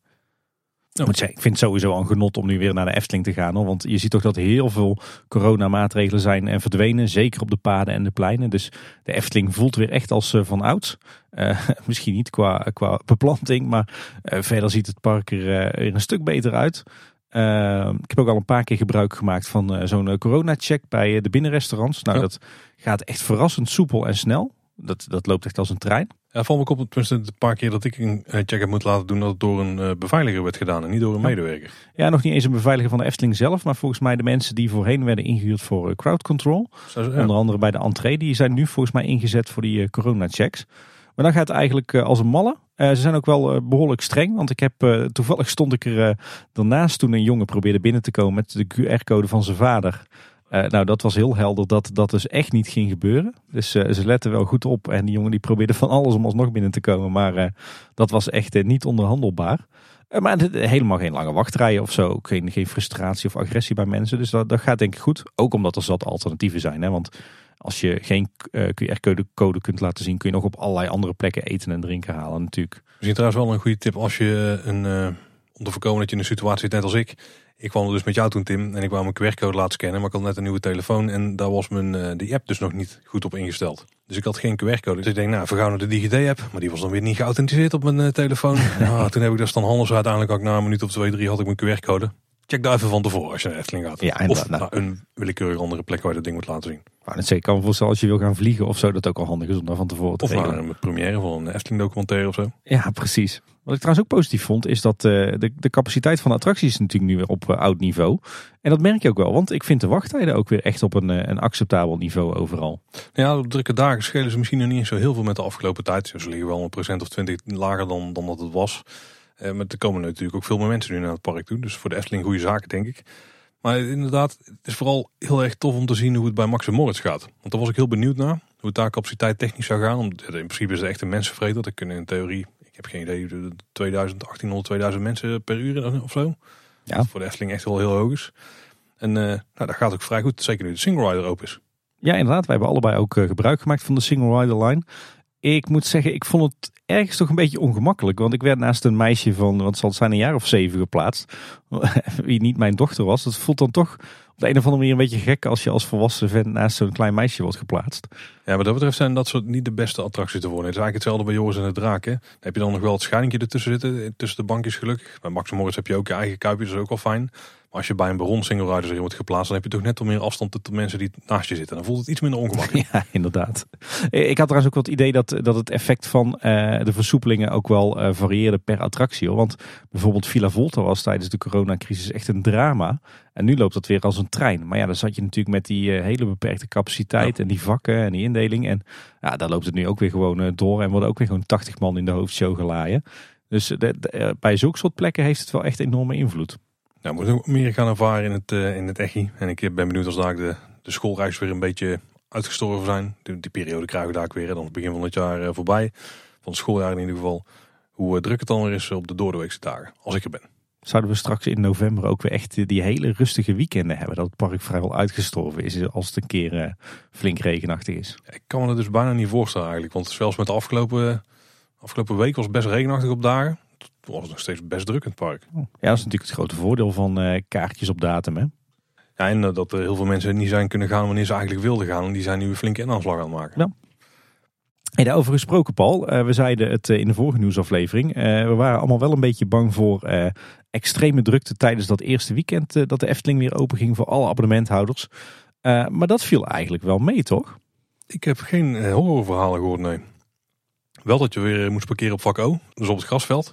Daar valt sommige mensen dan wel tegen natuurlijk als je daar terecht komt. Maar er werden gewoon pendelbussen ingezet. Ook daar is een stukje makkelijker. Ik weet eigenlijk niet of dat je daar een mondkapje op moest in de pendelbus. Ik denk het niet, maar Weet niet, het is geen openbaar vervoer. Hè? ja, als privévervoer hoeft het dan niet. Ja. Ja. Aan de andere kant, in de tram in het Openluchtmuseum moet je wel je mondkapje op. Dus dat is, als je die redenering doortrekt, zou je hem hier ook weer op moeten. Ik weet niet. Ik weet het ook niet, maar ik vermoed dat het niet nodig was. Maar de wachttijden en zo, ja, die vielen wel mee. Lagen iets hoger dan dat ze tijdens een normaal coronaweekend eh, waren. Maar dankzij die hoge capaciteit, ja, liep het nergens, eh rees het echt de pan uit of zo. Ja, en ik had het idee dat eh, ook de horeca het wel redelijk aankon.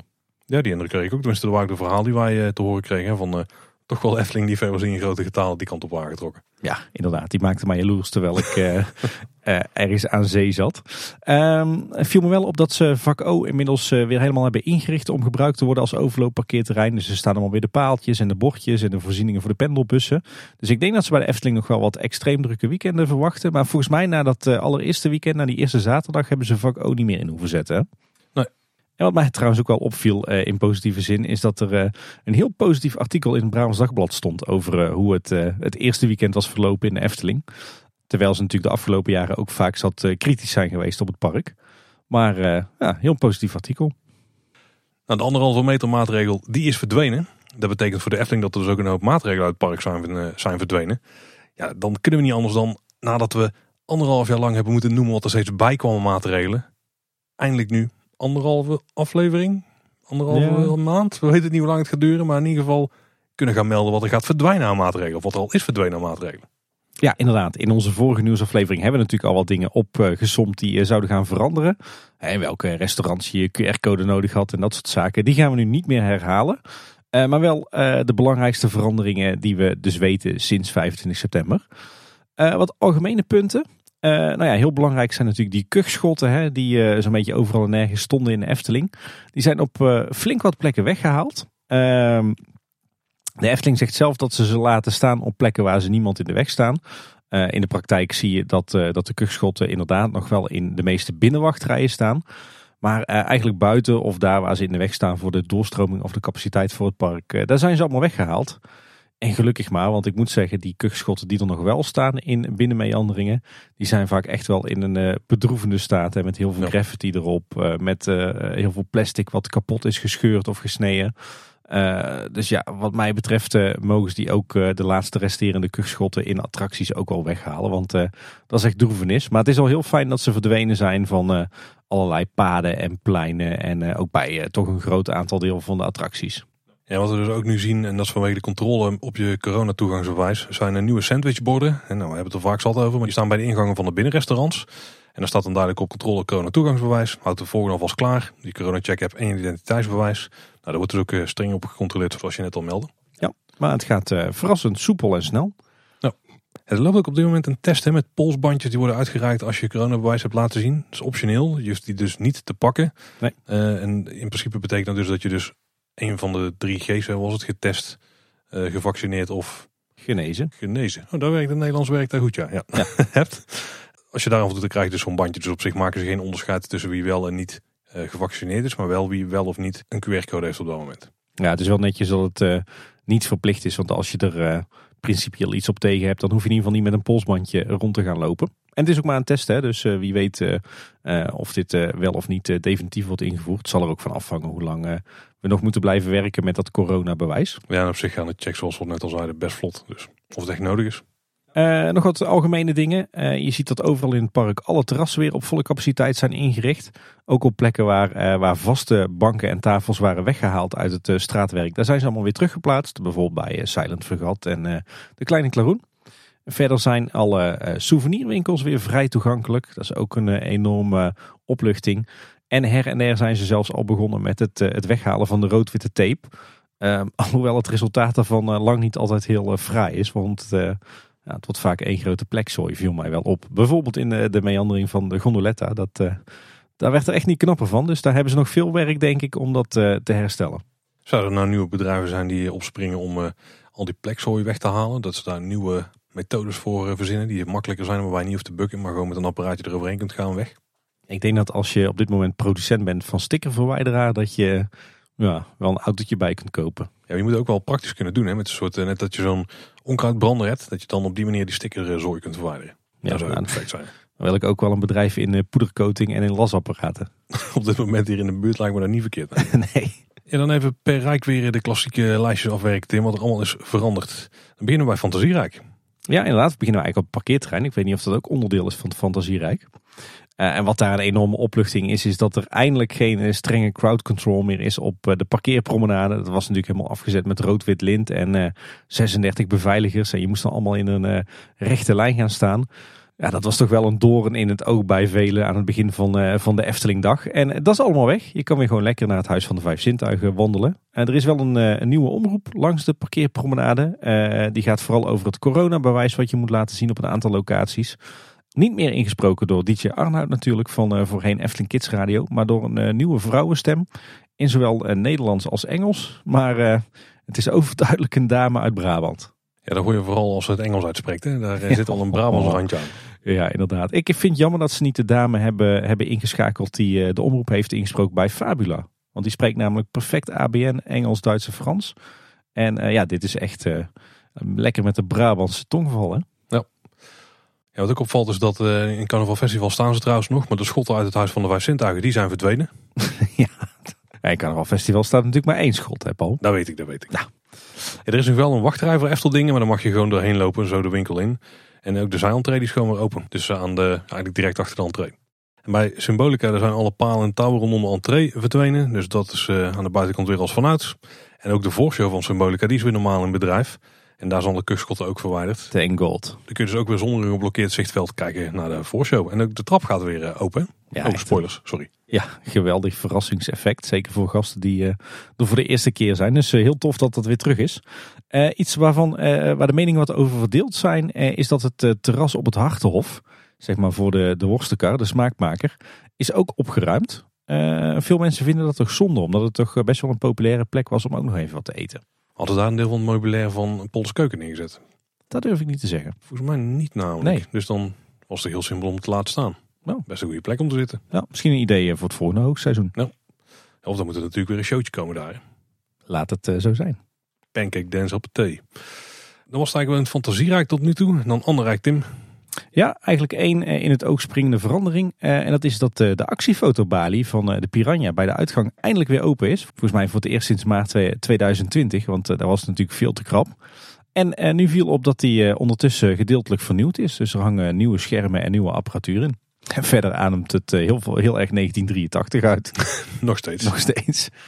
En dan al door naar Rankrijk. Ja, daar best wel veel veranderingen. Uh, zo zijn uh, de tijdelijke coronawachtrijen van uh, Joris en de Draak en de Vliegende Hollander verdwenen. Dat ruimt lekker op. En wat ook lekker opruimt is dat de hele tijdelijke toiletgroep achter station de Oost is opgeruimd. En dat is natuurlijk ook nogal, ja, bij Walibi Holland zouden ze zeggen festivalization. Maar dat was natuurlijk ook wel een beetje smet op het blazoen daar. maar dat is allemaal opgeruimd. En bij Bron 1898 daar wordt weer gepreseed door middel van de bonnetjes. En ook de voorshows die worden weer gebruikt zoals het hoort. Op wat details na, maar daar moeten we het daar maar even over hebben. En bij station de Oost uiteindelijk nog best wel een grote wijziging. Want eh, een paar dagen na het ingaan van, de, van, het, van het verdwijnen van de anderhalve meter maatregel. Dit is een warrig verhaal.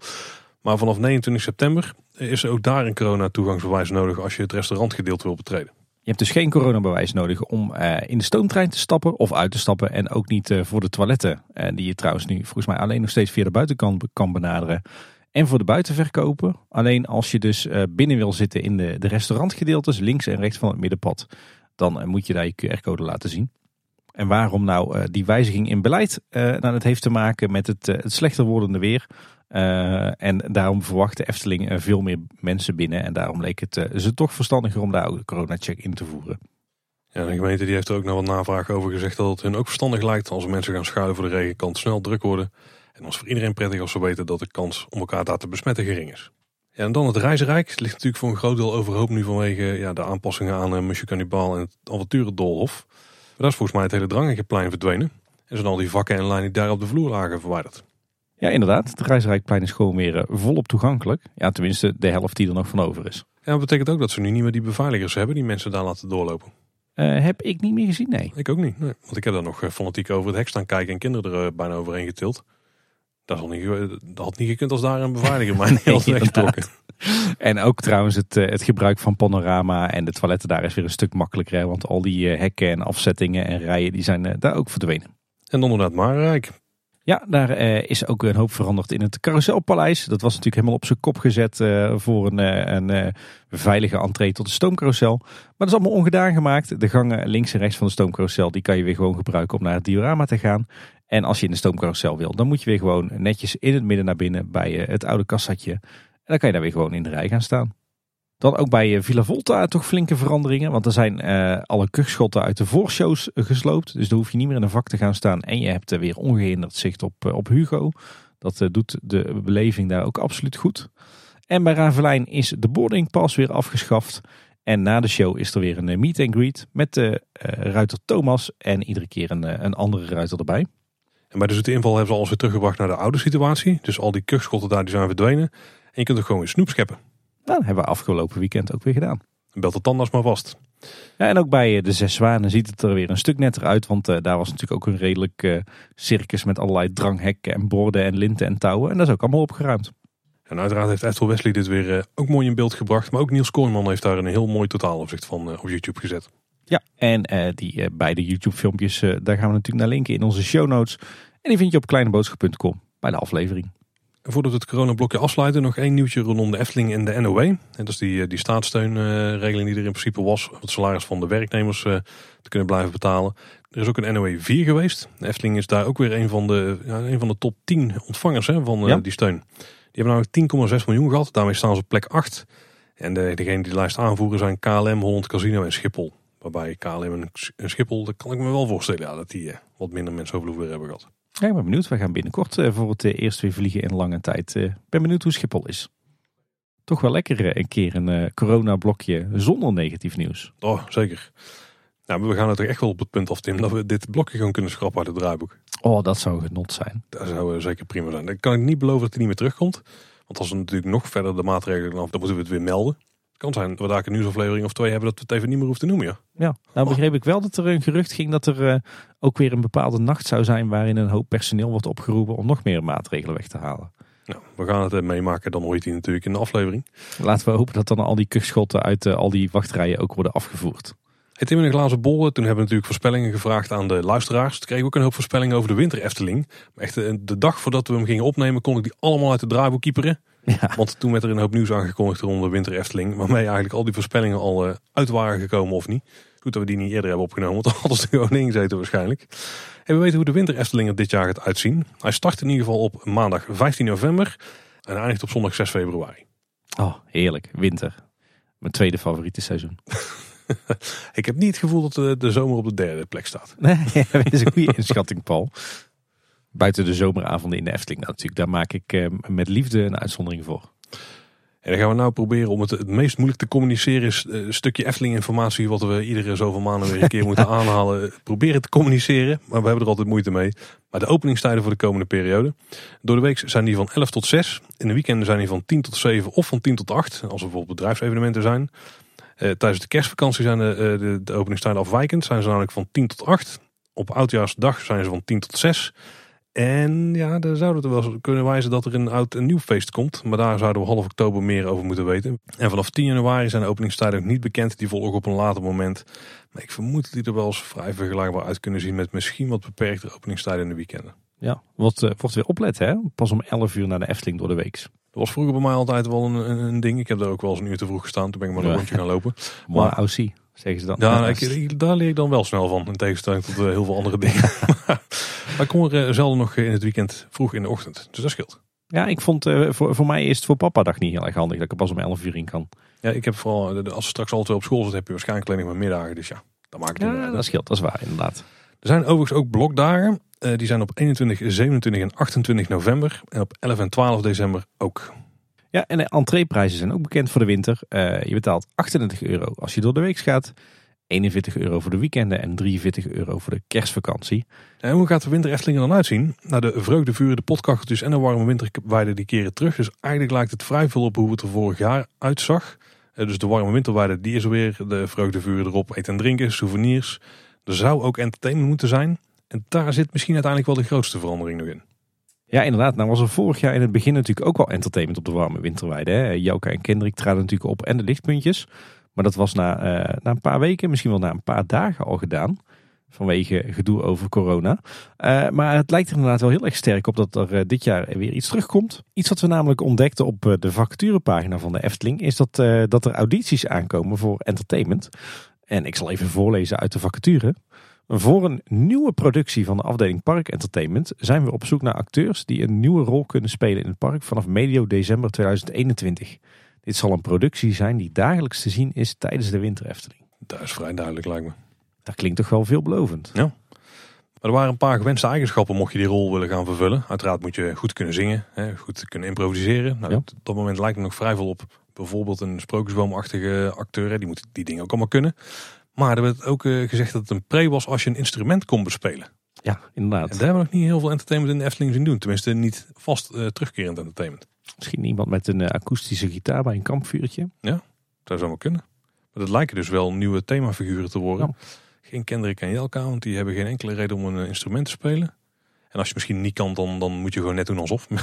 Ja, dan uh, toggelt René het al van tevoren voor je in. Nee, ik ben wel benieuwd wat dit gaat worden. Ja, kan iets moois worden. Ik moet zeggen, ik ben wel echt enorm blij dat die warme winterweide terugkomt. Want ik was daar vorig jaar groot fan van. En we hebben daar wat mij betreft veel, maar veel te kort gebruik uh, van kunnen maken. Zeker uh, omdat het entertainment natuurlijk al heel snel sneuvelde. Ik kan niet wachten om de hele winter op die warme winterweide te staan. Ik heb er ook uh, helemaal geen problemen mee. Ik ook dat het IJspaleis niet terugkeert. Ja, ik, ik, ik, snap ook wel waarom de Efteling zelf die zegt dat de reacties op de warme winterweide positief waren. Nou, zo hebben wij het ook ervaren. Zeker. En uh, ze zeggen dat, dat mede daarom ook de warme winterweide terugkomt. En ook hebben we er vorig jaar natuurlijk maar eh, kort van kunnen genieten, zegt de Efteling. En de financiële situatie speelt mee. Ja, ik, ik vind het prima. Ja, nou, ik moet zeggen, uh, ik kan me voorstellen dat er wel bezoekers zijn die, het, die de schaatsbaan missen. Zo'n beetje een vaste waarde geweest in de, in de winter Efteling altijd. Zelf kom ik ook altijd wel graag in het ijspaleis hoor. De kinderen op het springkussen bij elkaar en Kendrick. En dan warme worst eten of een bakje echte soep. Maar ja, aan de andere kant, de warme winterweide kun je ook terecht voor het entertainment en het eh, eten en drinken. Dus eh, ik, qua sfeer en qua uitstraling en, en gewoon eh, qua esthetiek in algemene zin gaat mijn voorkeur dan toch ook wel uit naar die warme winterweide, ja. En ik denk dat het ook wel anders gaat voelen hoor. Wat, wat voller, wat drukker. Hè? Er zal geen beperking meer zitten op het aantal mensen daar. Misschien dat het horeca-aanbod daardoor ook wordt uitgebreid, omdat er dus meer mensen zijn en meer mensen bediend moeten worden. Ik heb er best wel zin om op die manier te gaan herbeleven eigenlijk. Absoluut. Nou, moet ik wel zeggen, mijn meest ideale vorm van de warme winterweide over een tijdje, als het eh, geld weer eh, over de plinten klotst, zou toch wel zijn de huidige warme winterweide met entertainment gecombineerd met een, een outdoor ijsbaan. En, een, een deel misschien overdekt? Dat je misschien een deel overdekt, ja, binnen. ja. En dan echt zoals op een uh, Anton Pieck prent met uh, naaldbomen, lampjes erin. Echt van die kraampjes met koek en zopie. Oh, maar goed, de warme winterweide komt al enigszins in de buurt daarbij. Ja, en ik ben al lang blij dat ze daar uh, die hoop bouwpuin een keer gaan afdekken met iets moois. ja, inderdaad, ja. Ook een, een voordeel van de warme winterweide. Ik uh, kan niet wachten op de wintereffeling. Hey Tim, we zullen de ASMR dit keer even achterwege laten. Maar tussen tijd wat onderhoudsblokje. Ja, inderdaad. En ook daar is weer veel te melden natuurlijk. Wordt het weer een klassiek rondje park? Ja, tuurlijk. Twee rondjes park kijk deze aflevering dus. Ja, inderdaad. Oh, ik ga weer in gedachten mee, Tim. het draaiboek van onze nieuwsaflevering is tegenwoordig wel een redelijk vaste waarde, toch? Iets te structureerd misschien. Nee, ik kan niet anders, sorry. Het is je vergeven. Ja. Hey, uh, zullen we beginnen op het parkeerterrein? Want het uh, welkombord van het, uh, het, tunneltje waar je onderdoor gaat als je van de bushalte richting de entree loopt, is aangereden en flink beschadigd. Oei. Dan door naar Fantasierijk. Symbolica. Loopings heeft navraag gedaan bij een woordvoerder van de Efteling hoe het zit met de, de fabelvis. Die staat namelijk al stil sinds november 2020. En de woordvoerder die zegt... Het is een storing die moeilijk op te lossen is. Om die reden blijft de vis tijdelijk stilstaan.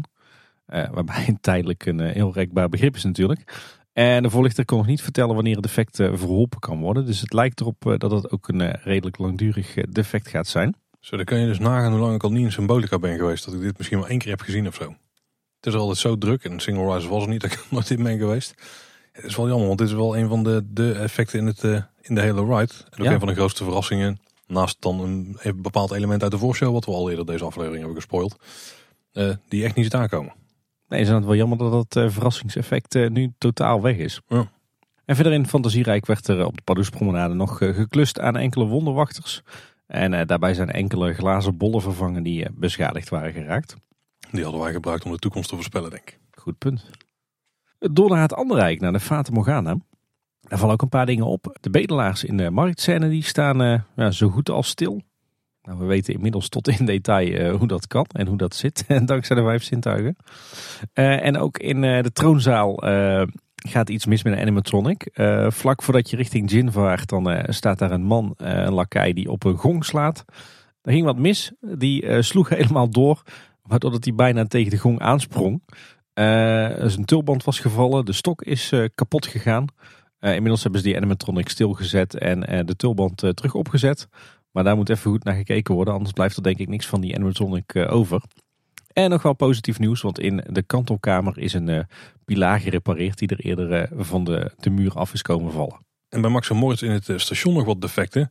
De springveer, dus het effect van het opdraaien en losschieten. En de animatronics van Max Moritz die daarbij horen, die zijn het defect. Ja, dus geen voorshow in het station eigenlijk. Nee. Ga dan ook sneller weg? Nou, daar zullen ze wel nog steeds geluideffecten hebben. Bij, Ik denk dat dat uh, er los van staat, ja.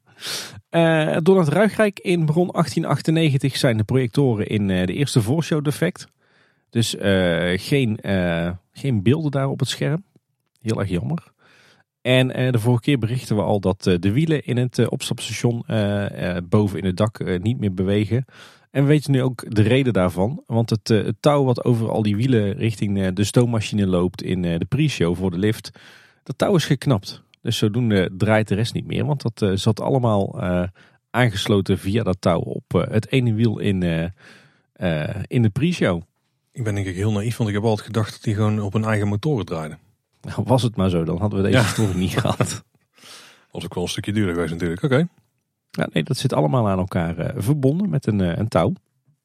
Maar nu tijdelijk even niet dus. Verder ook uh, diverse storingen in de Vliegende Hollander. Zo kregen we berichten dat het, het watergordijn en de projectie daarop niet zou werken. Dat ook de rook en de verschijning van Willem van der Dekken op de toplift niet zou werken. Zo.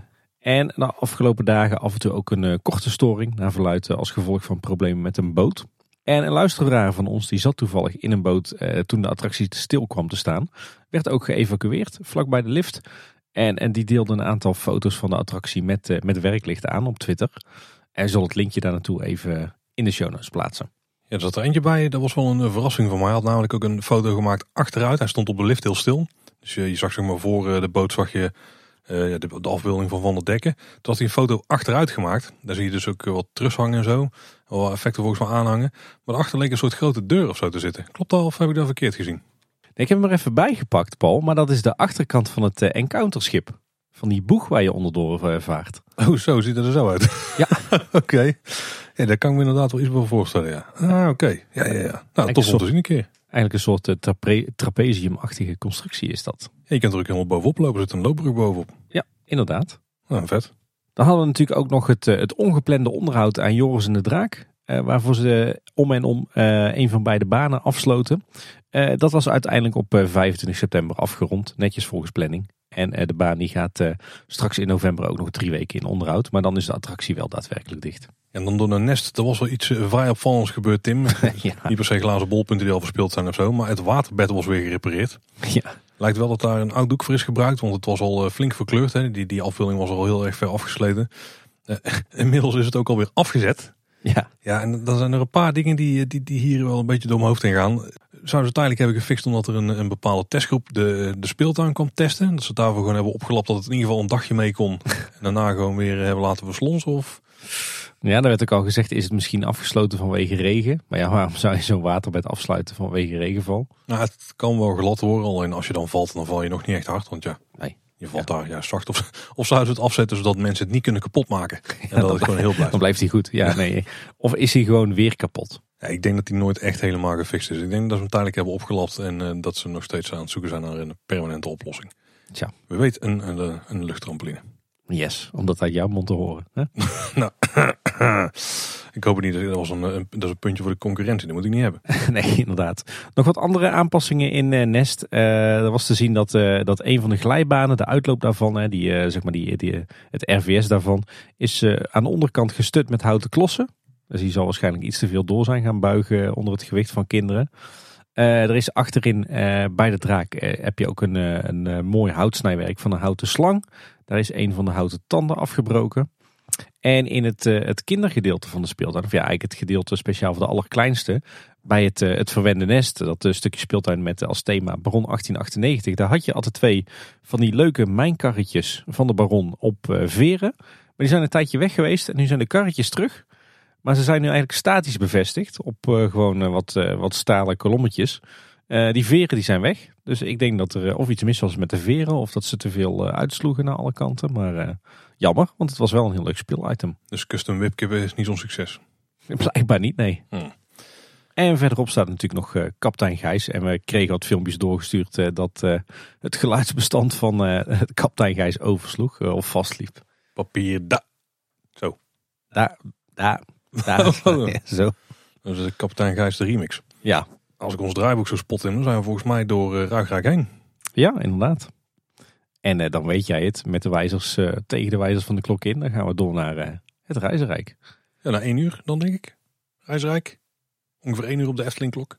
Ik weet niet hoe jij vanuit waar je georiënteerd bent dan. Maar. 12 uur is het noorden, ligt ongeveer in Laaf. Oh ja, ja met, met gewoon de Noordpijl bovenin. Ja, ja, ja. Ja, ja maar ja, zet je hem anders op een kaart? Ja, trouwens, in de Efteling rond in de app is het iets anders. ja, je hebt, ja oké, ik snap jouw punt. Ja. Verwarrend, Paul, verwarrend. Nee, we laten het gewoon houden op Reizenrijk. Ja. Wat daar eh, heel veel luisteraars en mijzelf trouwens ook opviel, is dat het water van de Gondoletta vijver momenteel echt kraakhelder is. Je kan echt gewoon helemaal tot, uh, tot diep op de bodem kijken.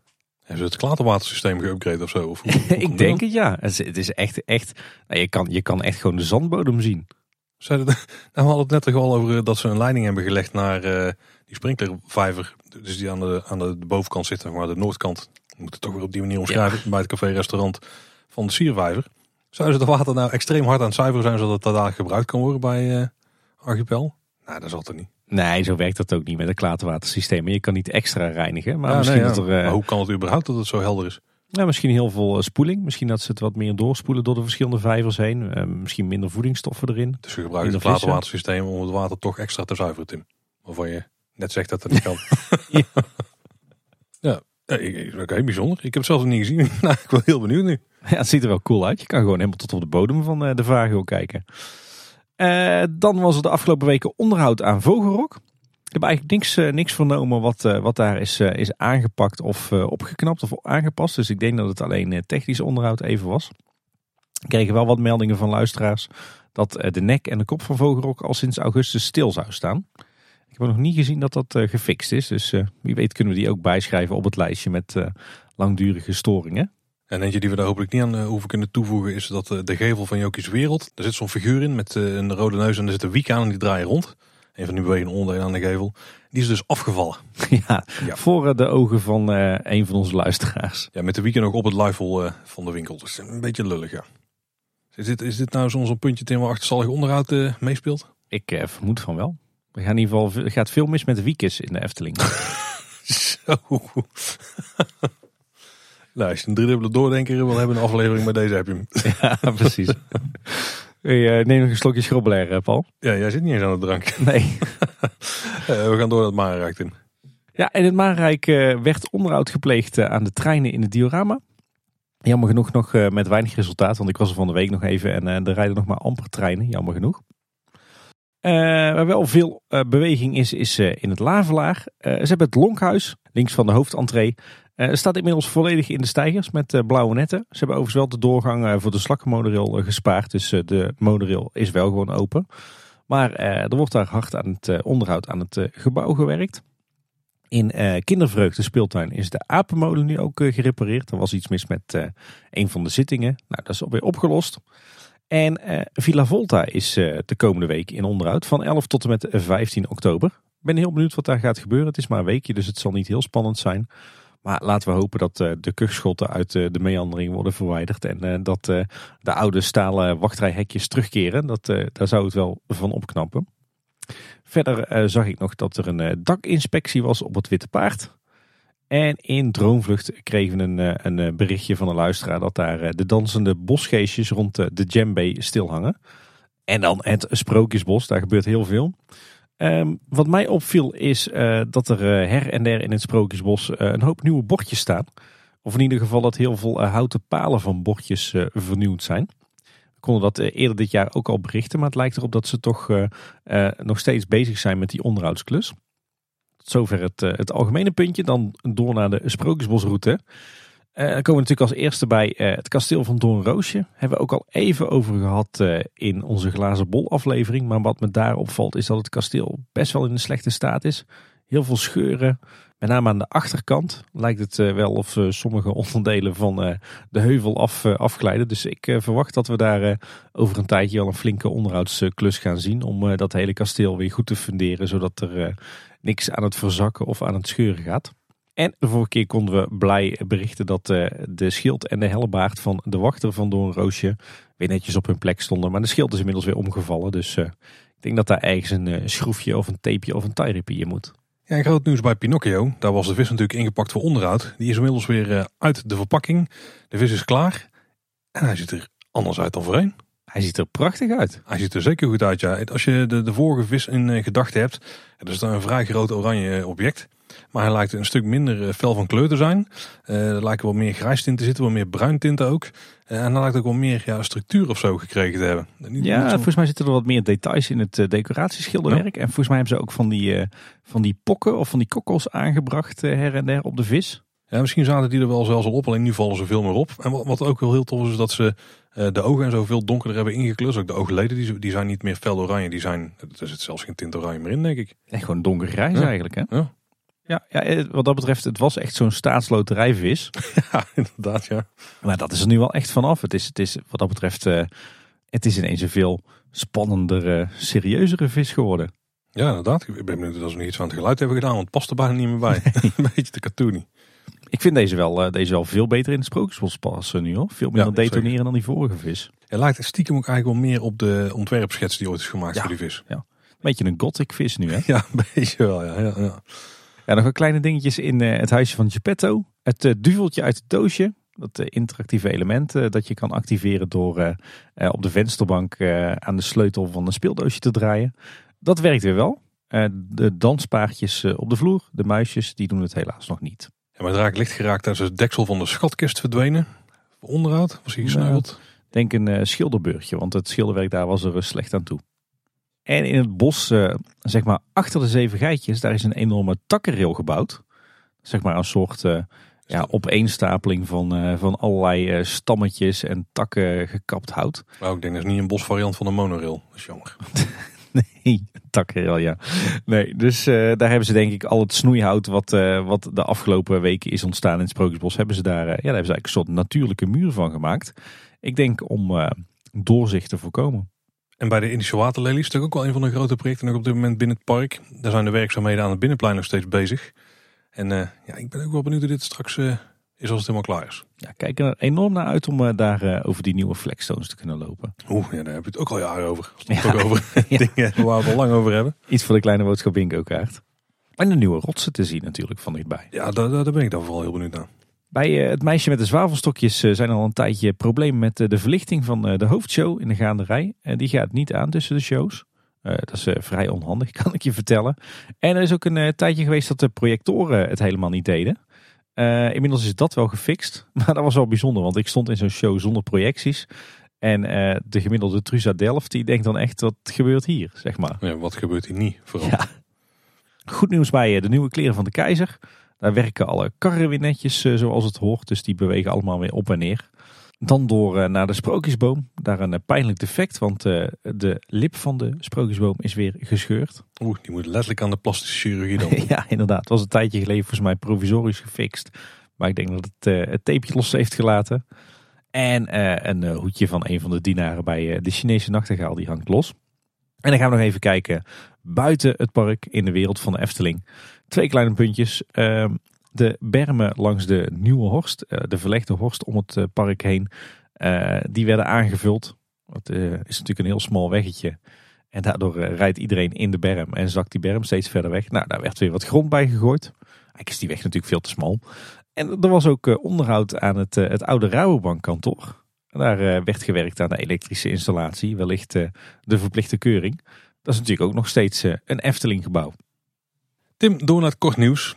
Ja. Er eh, viel bij jou eindelijk weer een onderzoek van de Raad der Wijze in de mailbox. Ja, inderdaad. En een hele interessante deze keer. Ook wel een hele verrassende eigenlijk. Ja, bij mij dus niet. Jij moet dus vertellen wat er eh, inhoudelijk in stond. Ja, dat was wel interessant. De, de Raad der Wijze doet onderzoek naar de Efteling als organisatie. Best wel gedurfd. Ik denk best ook wel uh, pittige onderwerpen aangesneden. Waar ze blijkbaar dus toch de mening van uh, de gast van willen weten. Uh, wat kwam er zo al aan bod? wat je vindt van de toegankelijkheid van de Efteling, bijvoorbeeld voor minder valide. hoe de Efteling omgaat met gelijkwaardigheid. Alhoewel, dat was eigenlijk meer algemeen het stukje inclusiviteit. Ehm, milieubewustzijn van het bedrijf, de maatschappelijke betrokkenheid van het eh, bedrijf, ook eh, bij ons in het dorp. Het, onderwerp veiligheid, het onderwerp innovatie, het onderwerp werkgeverschap, vond ik ook een hele gedurfde. Uh, en er werd ook gevraagd naar, naar wat je vond van hoe de Efteling is omgegaan met de hele coronacrisis. En wat de invloed daarvan is op de reputatie van de Efteling. Allemaal super interessante onderwerpen. Ik denk dat wij er met gemak een eh, uitgebreide kleine boodschap aflevering van zouden kunnen maken van deze onderwerpen. Maar ja, daar vroegen ze dus heel open uh, om onze mening. En dan ja, vind ik best wel prijzenswaardig dat ze, dat ze zich zo kwetsbaar opstellen eigenlijk. hoeveel koppen koffie heeft die gekost? Ik uh, ben er aardig snel doorheen geklikt. Oh, maar uh, ik heb uh, nou, een, aantal, een aantal van die onderwerpen ben ik heel positief over. En een aantal heb ik wel wat, wat kanttekeningen geplaatst. Maar goed, ik ben maar een van de velen die die enquête invult natuurlijk. Maar ja, als stuk voor stuk natuurlijk hele interessante items. Een tijd geleden toen was er ook een onderzoek uitgezet. Ik denk via de Wijsneuzen en niet via de Raad de Wijze over Efteling Kids Radio.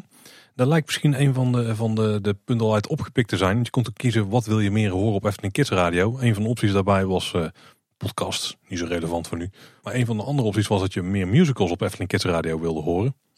Ik denk dat ze dan alleen de audiosporen van de YouTube opnames zo gaan laten horen. Ja. Niet de muziek. Maar dat gaat dus gebeuren. Iedere zondag wordt er een Efteling musical uitgezonden op Efteling Kids Radio. Ja, inderdaad. Ving ik, uh, hoorde ik van de week. Uh, ja. Hey Paul, en nou, uh, ik zag wel dingen voorbij komen op LinkedIn, maar dit is echt, uh, dit is echt jouw blokje, hè? Ja, Jonas Rietbergen, dus de, de man die verantwoordelijk is voor big data binnen de Efteling. Ik, ik vind dat, eh, dat zo'n type wat in, in uh, Team Park Science mee zou kunnen draaien. Absoluut, ja. Dus, Daar is hij echt een type voor. Daar zou die zeker in kunnen passen. Nou, misschien kunnen ze er ooit wel een aflevering over maken, want het is ook wel een mooi stukje science. Uh, ze zijn namelijk bezig met, met een nieuwe functie in de Efteling app. En die lijkt over drukteverwachting te gaan. Ja. En daarbij werd je, uh, werden je eigenlijk twee keuzes gegeven voor een layout. Eentje waarbij je per uur de drukte-indicatie kon zien. En eentje waarbij die was opgesplitst per kwartier zelfs volgens mij. Ja. Dus minder dan een kleinere, kleinere tijdvakken dan een half uur nog. En die, je kon dan dus stemmen voor wat je het, eh, het fijnste leek. Nou, ik zou natuurlijk voor de kwartierindicatie willen gaan, want hoe nauwkeuriger we het weten, hoe beter. Oh, ik, ik was, had juist gekozen voor de minder balkjes in beeld, voor de, de duidelijkheid en de leesbaarheid. Ja, uiteindelijk denk ik dat dat wel de beste is. Uh, niet vanwege die duidelijkheid en die leesbaarheid, maar omdat je dan net iets minder de mensen kunt sturen. Want anders, als er één, als je per kwartier gaat, dan gaan mensen zich heel erg concentreren rond dat ene kwartier. Uh, waarop het heel rustig lijkt te zijn, waardoor dat kwartier in één keer weer heel druk wordt. En ik denk als je met die balkjes van een uur gaat, uh, gaat werken, dat je dan dus uh, dat iets meer spreidt binnen het uur wanneer de mensen komen. Dus ik denk dat dat uiteindelijk gunstiger is, zodat, zodat je ook echt iets hebt aan die balkjes. Hier zie je, dit is echt een onderwerp voor jou. Nou, uh, laten we daarop houden. Ja, maar, maar het was ook een beetje een verkapte ehm, ja, vacature post eigenlijk. Want ze zijn bezig met het, aan het, met het bouwen aan een nieuw team Data en Insight binnen IT en Digital. ik weet ook dat een paar mensen die al binnen die T-afdeling zitten daar ook terecht zijn gekomen. Die daar een nieuwe functie hebben. Wil je er nou aan meedenken of meewerken aan het uh, hele data en insights stukje binnen de Efteling, dan heb, heb, je dus die vacature openstaan voor data scientist. En Efteling schrijft dat als data scientist je ontwikkelt aan geavanceerde analyseprogramma's, machine learning algoritmen voor gebruikbaar voorspellende en prescriptieve modellering. En die pas je ook toe. Nou Tim, dit zijn uh, net de, de pironnetjes en uh, ja, de takkerillen en dan weet ik voor. Als data scientist maak je gebruik van grote hoeveelheden gegevens uit interne en externe bronnen om businessvragen te beantwoorden. En als data scientist verken en analyseer je grote hoeveelheden data om verborgen patronen te vinden. Dat is wel een beetje denk eh, de kernomschrijving van wat een data scientist doet. En als data scientist vertel je ook op basis van analyse en data boeiende verhalen aan stakeholders om daarmee te illustreren hoe een datagedreven mindset de Efteling kan helpen. Nou, ze hebben er ook wel een paar buzzwords in gezet. Maar dus eigenlijk werkt de Efteling dus aan een team wat uh, een beetje doet wat, uh, wat in Walt Disney World de Magic Band ooit deed. Of uh, hoe heet die app, de My ja, de Disney Magic Plus Experience ervaring. Nou, die deden eigenlijk niet, daarom kon je alles regelen. Maar ze hebben wel die My Genie Plus of My Genie of weet ik veel ja. welke variant Genie ze inmiddels hebben. Ze plus plakken ze overal achteraan tegenwoordig. En daar is wel mee te vergelijken. Maar de Efteling had dit team al langer hoor. Want ik weet dat Jonas daar al op zijn minst anderhalf, twee jaar mee bezig is. Volgens mij hebben we ook nog steeds een soort open uitnodiging staan om daarover te gaan praten. Maar daar is er nog steeds niet van gekomen. Dus dan gaan we hem even daarover aan de tand voelen. Maar volgens mij doet de Efteling dit al, uh, al vrij lang. Ja, dan hebben ze nu waarschijnlijk die mensen geclusterd en is het echt een speerpunt geworden. Ja, ze gaan er wel meer op inzetten, ja. Nou, ja zit je in de data scientist hoekje, dan, uh, nou, dan kun je bij de Efteling solliciteren. Of bij ons trouwens. Ja, bij ons is het dan niet de kleine boodschap uh, redactie, toch? Nee, nee. we hebben er eentje binnen zitten. Die doet het heel goed. Dus laten we eens kijken wat die allemaal voor mooie dingen kan voorspellen bij ons. Op 29 september, Tim, toen was er weer een zoveel miljoenste bezoeker. In dit geval niet aan de Efteling, maar aan Bosrijk. Daar werd namelijk de 3 miljoenste bezoeker ontvangen.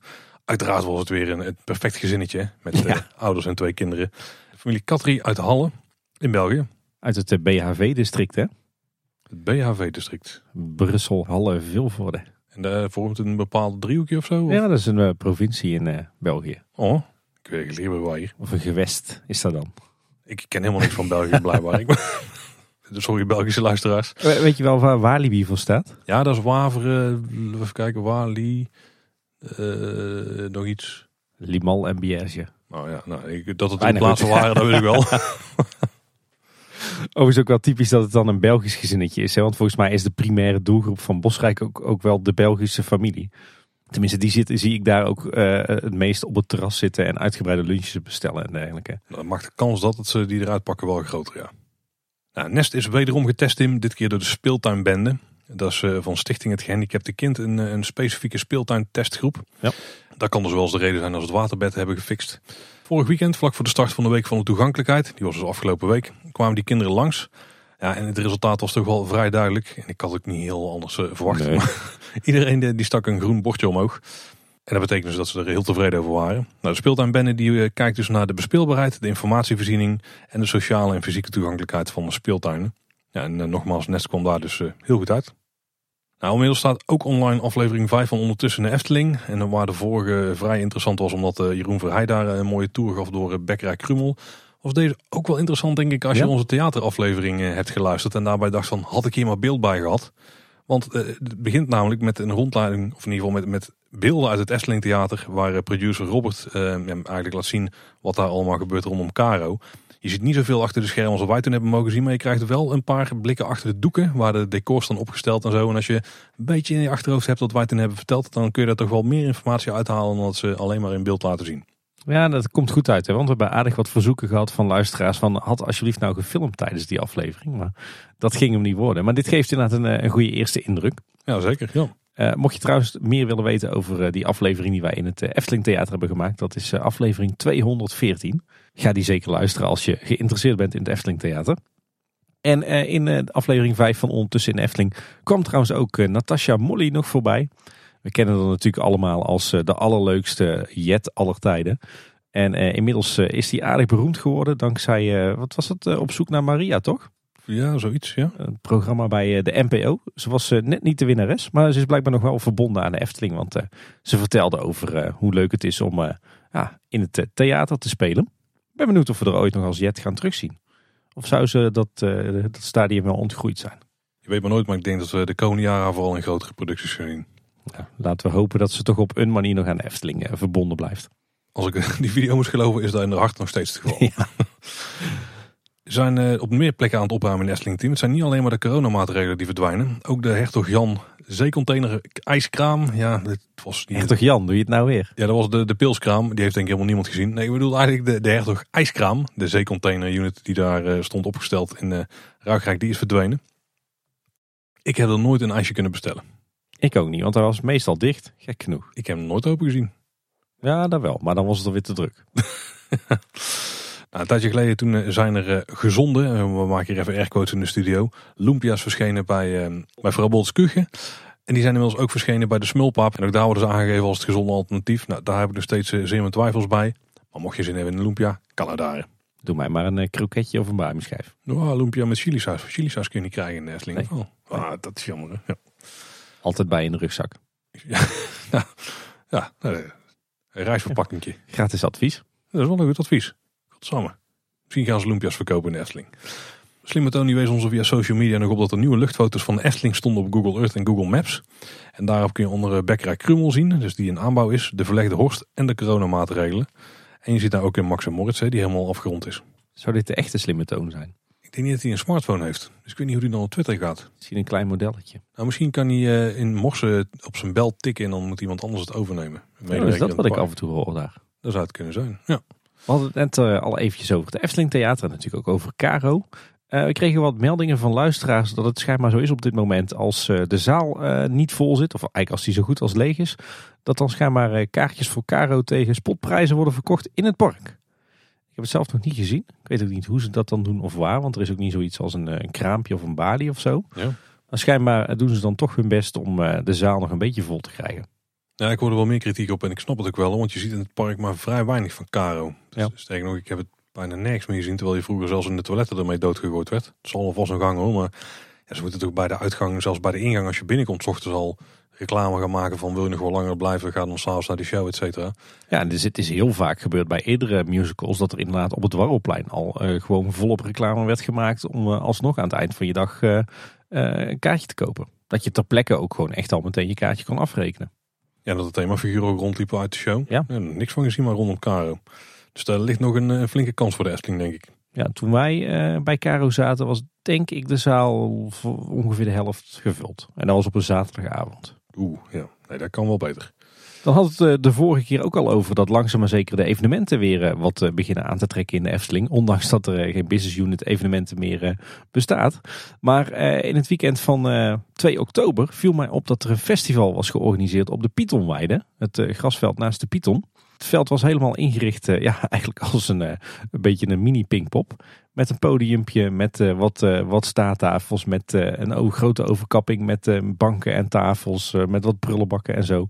En volgens mij een setje ook voor een muziekgroepje wat daar op ging treden. En bij de entree werd al opgebouwd aan grote tafels met daarop van die eh, thermosse bekers met koffie en thee die je dan mee kon nemen het park in.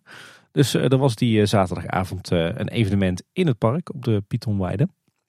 En eh, op 5 oktober werd de Dag van de Leraar gevierd in het Efteling Theater. Eh, en daarbij werd er een eh, podium gebouwd over het Caro- Caro-podium heen. Dus ook daar eh, weer eh, externe bedrijfsevenementen. Ja, en goed nieuws voor de dierenliefhebbers. Er zijn weer twee witte zwanen gespot in de Efteling. Die hebben we al een hele tijd niet gezien, hè? Nee, nee, ik zag ze nu in de, de siervijver. Nog geen zwarte zwanen, die hadden we natuurlijk in het verleden ook. Maar eh, ik, volgens mij hebben ze wat moeten afvangen vanwege de vogelgriep, kan ik me zo voorstellen. Die een eh, tijdje heeft geheerst. Misschien dat we nu eh, langzaam maar zeker weer wat, eh, wat vogels terug gaan zien, wat watervogels terug gaan Ja, zien. zou mooi zijn. Ja. Er was ook een incidentje bij Gondoletta. En de vrouw die reed er met het scootmobiel de vijver in. Bij de instapplaats voor de minder valide. Ja. Blijkbaar was het een, een dame die ehm, zelf niet slechter been was. Maar die voor iemand anders het voertuig wilde parkeren. En niet helemaal wist hoe het dan eh, werkte, denk ik. Dames in het water gevallen, opgevangen. Kleren zijn gedroogd eh, door de medewerkers. Verder was helemaal in orde. En de scootmobiel, die doet het ook nog. was wel wat ophef. Sowieso verscheen er een eh, filmpje op Dumpert van een Belgische familie die het geheel eh, vastlegde en daar smakelijk om moest lachen. Eh, maar we kregen ook een ooggetuigenverslag van Carlo van de Vijf Zintuigen. Eh, en die gaf aan dat er toch een flinke opkomst van hulpdiensten was. Eh, ook een ambulance, natuurlijk een hoop beveiliging erbij, technische mensen van de Efteling. Maar schijnbaar ook een duikteam. Ik ben even benieuwd of dat het gewoon de, de technische mensen van de Efteling zijn die de scootmobiel uit het water wilden takelen. Of dat er echt nog een duikteam is bij de Efteling zelf. Ik weet wel, vroeger toen de Efteling een eigen bedrijfsbrandweer had, hadden ze ook echt een professioneel eigen duikteam. Was toen natuurlijk wel eh, relevant met een kanovijver en een roeivijver en dergelijke. Maar ik vraag me af of ze dat nog steeds hebben bij eh, de afgeslankte BHV. Of dat dit eh, dan een duikteam is van de brandweer. En ik geloof dat die helemaal uit Den Bosch moet komen. Dus Hm. dat is nog wel interessant. Maar in ieder geval, er was weer flink opgeschaald. Terwijl er eigenlijk natuurlijk weinig aan de hand was. Er nog een fietsje op veiligheidsgebied, Tim. Op donderdag 7 oktober. Toen eh, zou er, ja, voor zover we nu weten, een lekkage zijn bij de gastanks van Aquanura. Er kwamen op P2000 meldingen binnen en een aantal attracties in Ruik en Anderrijk die waren een tijdje gesloten. En we weten dus niet 100% zeker dat het is, maar het ging wel over een gaslek. En dan zou het vrij voor de hand liggen dat het dan in die hoek is. Ja, ook als je afging op eh, de attracties die tijdelijk gesloten waren. We hebben er eigenlijk niks van gezien. Dus het is waarschijnlijk met een sisser afgelopen. Nou, het is met de sisser begonnen, denk ik. Ja. We kunnen eh, het eh, blokje calamiteit wel toevoegen aan ons draaiboek. Nou, laten we hopen we niet. Nee. Nee, we gaan wel door naar een ander vrij standaard eh, kort nieuwsblokje. En het is toch wel goed eigenlijk dat ze daar zoveel op inzetten, want er is weer een hoop merchandise nieuws. Op zaterdag 9 oktober, toen is eindelijk die winnende pin uitgekomen die uit het ontwerpwedstrijd is gekomen. Dus die met lang nek, die je dan het, het bochtje omkijkt. Ik weet niet hoe zijn nekwervels werken, maar die zijn wel flexibeler dan die van mij. De oplage is 2000 stuks. Je kunt maximaal drie pins per persoon kopen. En ze kosten 6 euro per stuk. En op vertoon van je Pardoes pin keycord, ken je hem nog Tim? Ik heb er eentje liggen thuis hoor. Nou, dan als je die laat zien, dan krijg je nog een euro korting ook. Ja. Ja, je kon tot 10 uur bij de pen en vier bonnetjes eh, verkrijgen. Die werden uitgedeeld daar waarmee je verzekerd was van die maximaal drie pins. En, en geheel een thema starten verkoop om 10 uur bij Langnek. En om eh, twee uur wordt dan de verkoop naar binnen verplaatst naar de marktkamer. Ik moet het een beetje lastig vertellen joh, want dit vindt- moet nog plaatsvinden. Maar zodra je dit hoort, is, heeft het al plaatsgevonden. Dus we weten niet precies hoe het ging. Nee, of het wel of geen succes is, nee. Ik, vermoed ook dat het dit keer geen chaos wordt. Tenzij er heel veel mensen naast een bonnetje grijpen. Maar dan, eh, nou, dan, dan kunnen we het de volgende keer weer melden. Heb je geen bonnetje, dan eh, heb je nog een kans. Want vanaf 10 oktober eh, zou het in de vrije verkoop gaan. Zolang de voorraad nog strekt. Hoe dat dan precies gaat als alles al de eerste dag eruit vliegt. Dat weet ik niet. Dus dat nou, moeten we nog even afwachten. Maar voordat de verkoop start is er natuurlijk één iemand en die moet die pin als eerste ontvangen. En dat is degene die de, die de ontwerper van de pin is en die de wedstrijd had gewonnen. Matthijsje Jonkers. Dus die krijgt hem als eerst. Ik moet wel weer lachen als ik zie wat voor eh, ingewikkelde logistieke procedures ze bedacht hebben om eh, hoe deze pin eh, te bemachtigen. Ik kreeg persoonlijk ook al een paar verzoekjes om of ik niet even wat pins kon regelen voor mensen. Maar je zou bijna zeggen, als ze nou eens gewoon een keer die oplagen opschroeven, dan kan je die pins gewoon normaal in een souvenirwinkel verkopen. Ja, of via een, derde partij ze gewoon alsnog laten versturen aan mensen en via een webshop verkopen. Ja. Ja, Efteling en eh, pins. Het blijft een ingewikkeld verkoopverhaal. Nou, die pins die zijn nog eh, vrij betaalbaar, Tim. Maar eh, er komen ook wat, eh ja, wat merchandise items aan waar je iets dieper voor in de buidel moet tasten. Er komen namelijk zeven nieuwe Efteling miniaturen van Luviel. Die waren vanaf 7 oktober te koop. Het gaat onder andere om een Anton Pieck carousel met lampjes en muziek. Nou, die kost 175 euro, dus dat is flink aan de prijs. Ja, maar dat is die denk ik wel waard. Want ik heb er wat foto's van gezien, ook al van mensen die hem gekocht hadden. En eh, het is, eh, deze ziet er wel echt goed uit hoor. Eh, veel details, hè? Ja, dat is wel vet, ja. Als je een kerstdorpje hebt thuis staan op de vensterbank rond de decembermaand, dan moet hij er wel op staan. En gewapend glas dan aanbrengen, Zeker. voordat hij weggehaald wordt. Zeker als je in de cats woont.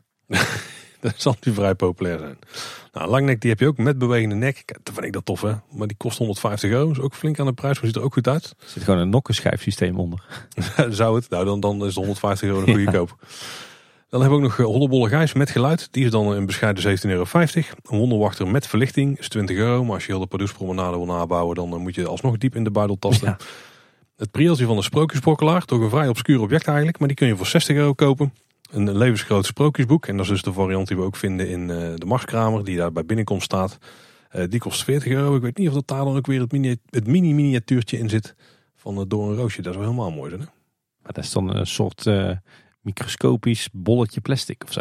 Nou, dan moet je een extreem gedetailleerde 3D-printer hebben om dat te klussen. Maar 40 euro, ik weet niet precies wat de maat is, maar het klinkt ook vrij, eh, vrij aardig. En eh, ja, nou ja, de, de, de naam van het object is de drinker op pomp voor 10 euro.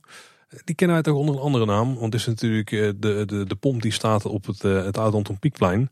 Dat is toch de drinkenbroer? Ja, de drinkenbroer of de drinkenbroeder. Maar drinker op pomp. Het klinkt ook zo, eh, Zo Eftelingse. zo feitelijk. Ja. Beetje rare benaming inderdaad. Meneer met lange, met lang uitschuivende nek Ja. op rots. Ja.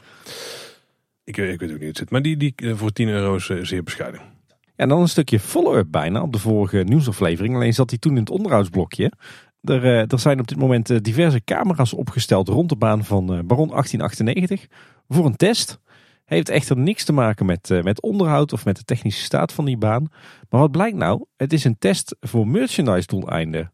Er is nog niet echt iets concreets. Maar mogelijk zou je in de toekomst een gemonteerde video kunnen kopen waarin je zelf voorbij vliegt. In Baron 1898. En eh, wij hebben daar zelf ook rondgelopen vorige week, Paul. En eh, er staan heel wat verschillende camera's. Er staat er eentje gericht op het toplift, eentje op de Helix, eentje op de Zero G-roll. Beeld staan ze op, ja, wat is het? Zijn een beetje gethematiseerde statieven. Eh, en ik zag er ook eentje op het dak van de yoghurtbar staan. Maar ze zijn dus eh, ja, bezig met eh, een test van eh eh, camera-opnames van eh, de rit. Je heeft wel potentie. Ja, Ja. Ik ben benieuwd. En als laatste merchandise item zijn er nieuwe wollen sjaals en handschoenen te koop. En die zijn eh, rood met witte stippen. Dus als je, schitterend als je je paddenstoelencollectie wil uitbreiden, denk ik. En dan de vacatures, Tim. Je hebt van mij de opdracht gekregen om alleen de interessante eruit te halen. eh voortaan. Maar Ja. het, het zijn wel verrekkers interessante dit keer. Dus Ja, er zit weer heel wat tussen. Op dit moment maar liefst 46 vacatures, waarvan er een heel aantal eh, voor meerdere mensen eh, zijn. Dus eh, ze zoeken aardig wat FTE's. Eh, ik heb een selectie gemaakt van eh, de meest interessante inderdaad. Eh, De vorige keer konden we al melden dat ze een teamlead planning en beheer eh, zoeken. Een beetje de, de manager zeg maar, van de onderhoudsafdeling. Of eigenlijk van de, de afdeling die de onderhoudsplanningen maakt. Maar ze zoeken nu ook een teamlead uitvoering onderhoud en services. Dus dan ben je zeg maar een beetje hoofd van de technische dienst zou je kunnen zeggen. Of eigenlijk van alle technische diensten. Eh, dus we kunnen wel ja, toch een beetje de zorgwekkende conclusie trekken dat de hele technische staf van de Efteling op dit moment is verdwenen. Oei. Dan eh, zoeken ze voor de afdeling projecten een projectleider. Ook een hele mooie functie natuurlijk. En eh, voor de afdeling werktuigbouw een werkvoorbereider. Ook wat marketing en sales vacatures. Zo zoeken ze een accountmanager voor België en Frankrijk. Eh, teamlead evenementen en support.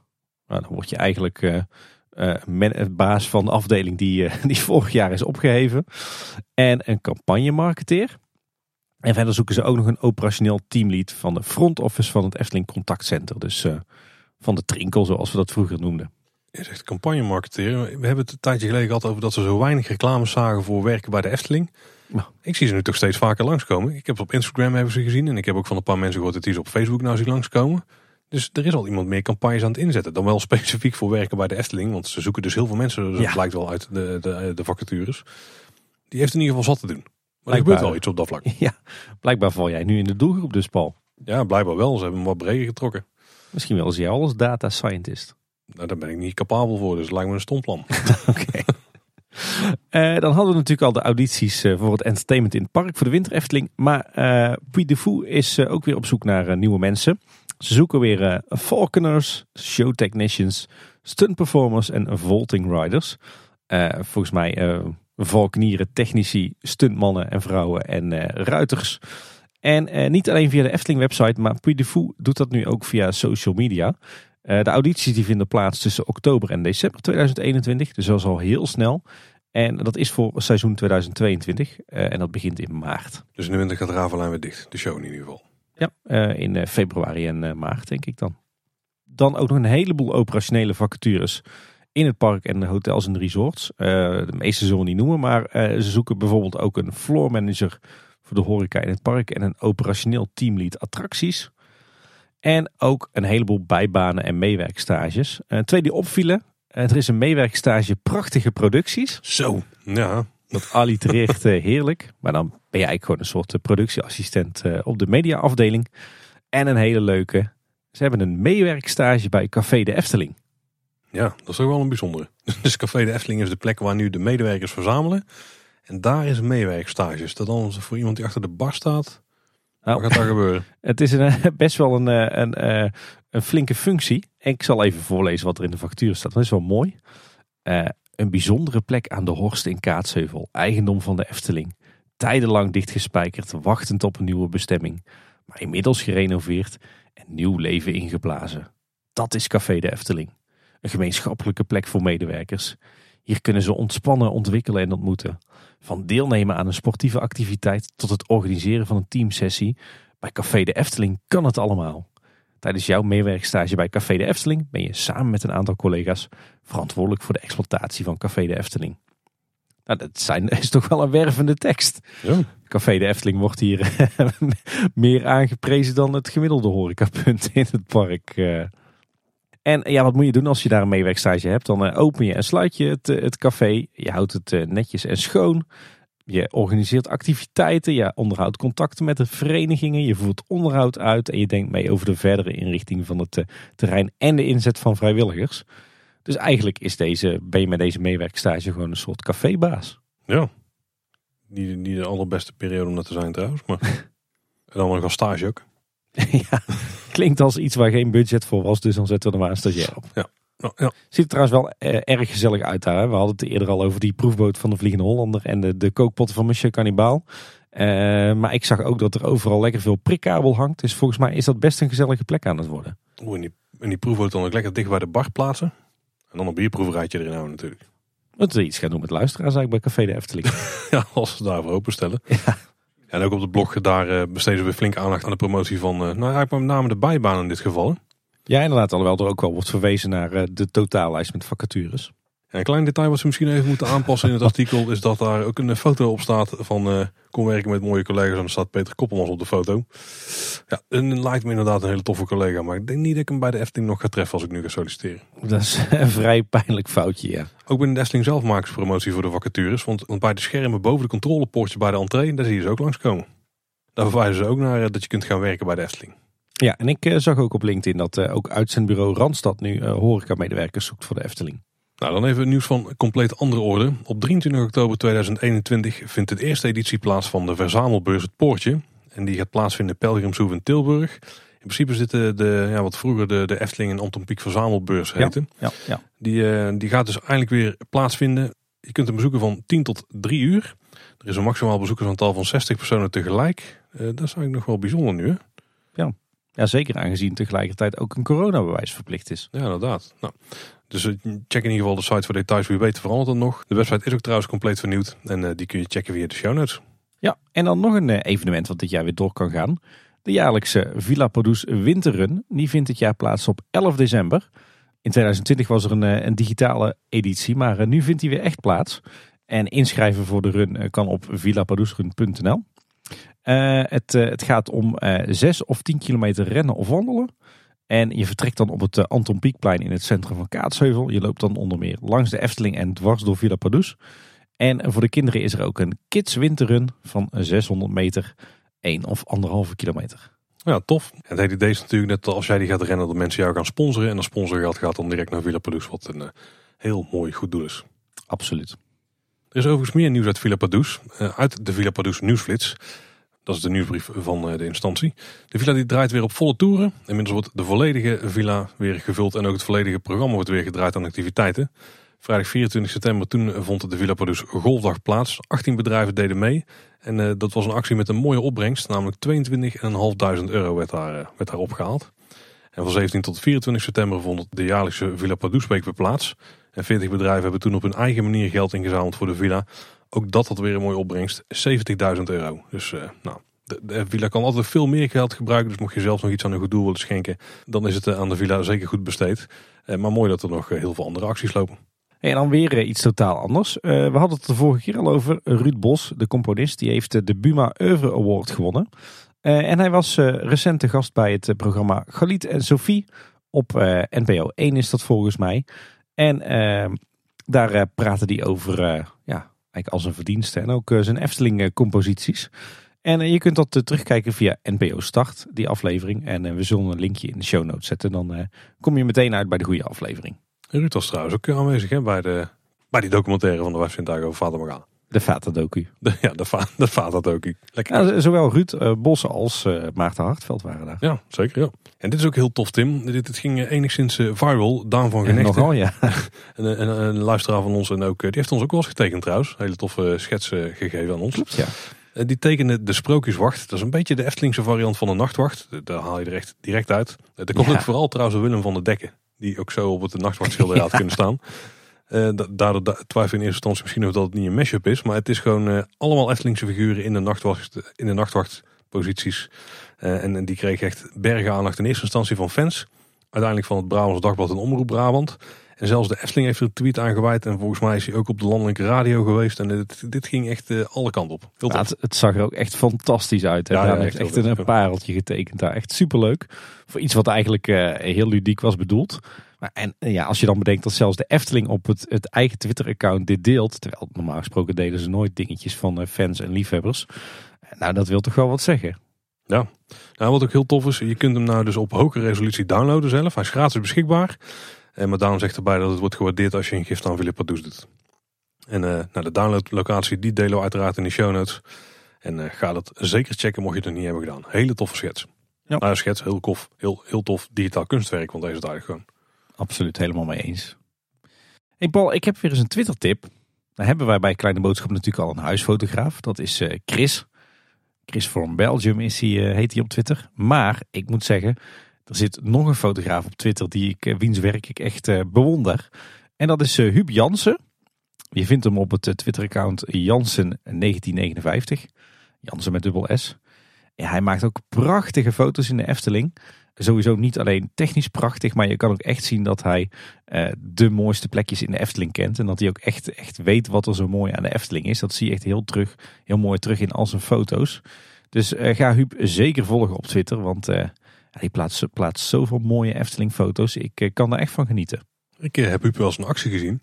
Maar dat besefte ik me later pas, want ik zag iemand allemaal met camerafoto's maken op, op het Routenplein. Volgens mij richting Herberg de Efteling. En toen zag ik een paar uur later op Twitter zag ik dus die foto's voorbij komen op zijn account. En dacht ik, ah, het was Huub. Ja. maar inderdaad, mooie foto's. Ja, zeker het volgen waard.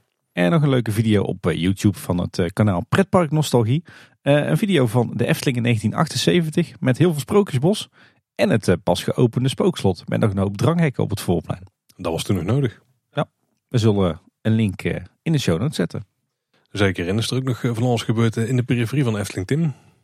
Tuurlijk, tuurlijk. Een paar, uh, paar interessante items. Weet je nog, Paul, dat er recent een fietssnelweg is aangelegd tussen Tilburg en Waalwijk? Ja, dat zegt me waag wel iets, ja. ja. De F261. Toen hebben ze heel voortvarend uh, de betonnen fietspaden uh, opgebroken. En daarmee ook de vele parkeerplekken langs de Horst. En toen zeiden wij nog lang tegen elkaar. Hoe moet het nou met mensen die graag het Keienspoor gaan wandelen? In het natuurgebied het Loonse Land. Waar moeten die dan in vredesnaam de auto laten? want daar zijn geen parkeerplaatsen voor teruggebracht. Nou, wat blijkt nou? De hele berm eh, daar is naar de haai gereden. Want iedereen pleurt zijn auto gewoon maar in het gras bij gebrek aan een parkeerplaats. Dus ik denk dat de gemeente daar nog eens eh, goed naar moet gaan kijken. En er komt een, nieuw evenement, Tim, in, uh, in Kaatsheuvel. En ze hebben daar een, een schitterend thema aangeplakt. Ja, nou, muziek. Ja.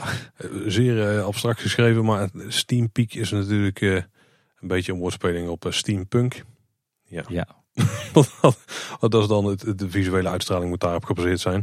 Eh, het vindt plaats op 18 december van 12 tot 4 op 7 plekken in het centrum. En uh, ja, daar ga je Kaatsheuvelse straatmuzikanten zien. Je moet je daarvoor aanmelden. Dus we hebben nog niet alle plekken gevuld. Aanmelden kan via muziekschool de. En ja, het is Team Peak muziek. Ja. het is lekker fout weer. Hè? Laat uh, Francine ook het maar niet horen. Oeh, inderdaad. Ja. Die was het trouwens ook uh, op 3 oktober. Was er ook, ja. ja. het Anton Pieck Museum had ook beelden geleverd volgens mij. En ook schetsen en foto's van de reis die Anton maakte naar Marokko. Mocht je nou trouwens op 18 december de Kaatsheuvel's straatmuzikanten aan het werk willen zien, maar je bent ook kleine boodschapluisteraar, dan heb je misschien wel een klein conflictje in je agenda. Ja, ja, of misschien komt het juist wel heel goed uit. Houd in ieder geval even 18 december uh, vrij. Ja, er staat er niks vast, maar het lijkt me wel verstandig. En zet hem met een potloodje in je agenda. Ja, dan nog opvallend nieuws over de financiën van de gemeente Loon op Zand, onze gemeente. daar gaat het inmiddels stukken beter mee. We draaien alweer een paar jaar mooie zwarte cijfers. Maar opvallend is dat de toeristenbelasting nog steeds niet omlaag gaat. Ondanks eerdere toezeggingen van de gemeente om die weer te verlagen zodra de gemeente de begroting op orde had. Uh, ze hebben nu wel toegezegd dat de toeristenbelasting voorlopig wordt bevroren. Maar die is een paar jaar geleden dus flink verhoogd om uh, de gemeentekast te spekken. Ik denk dat ze nog gewoon uh, heel conservatief zijn met het financiële beleid. Kan ik op zich ook wel voorstellen. Want ik ben toch wel enigszins trots op onze ambtenaren dat ze de gemeente zwarte cijfers laten draaien. Ja, denk ook een hele verstandige keuze inderdaad. Dan een nieuws van Midpoint Brabant. Wat volgens mij een of andere lobbyorganisatie is uh, hier in het hart van Brabant uh, rond het toerisme. Uh, Fons Jurgens zit er trouwens bij als voorzitter van de stuurgroep. Maar Midpoint Brabant heeft op 4 oktober het strategisch programmaplan Leisure for a Better Society aangeboden aan de provincie Noord-Brabant. En toen dacht ik dat die vacature voor die data scientist al vol met buzzwords zat. nou, dan wil je ook weten wat het is. Ik, ik, ik ben bang voor niet, maar vanuit, hoe moet je dit noemen?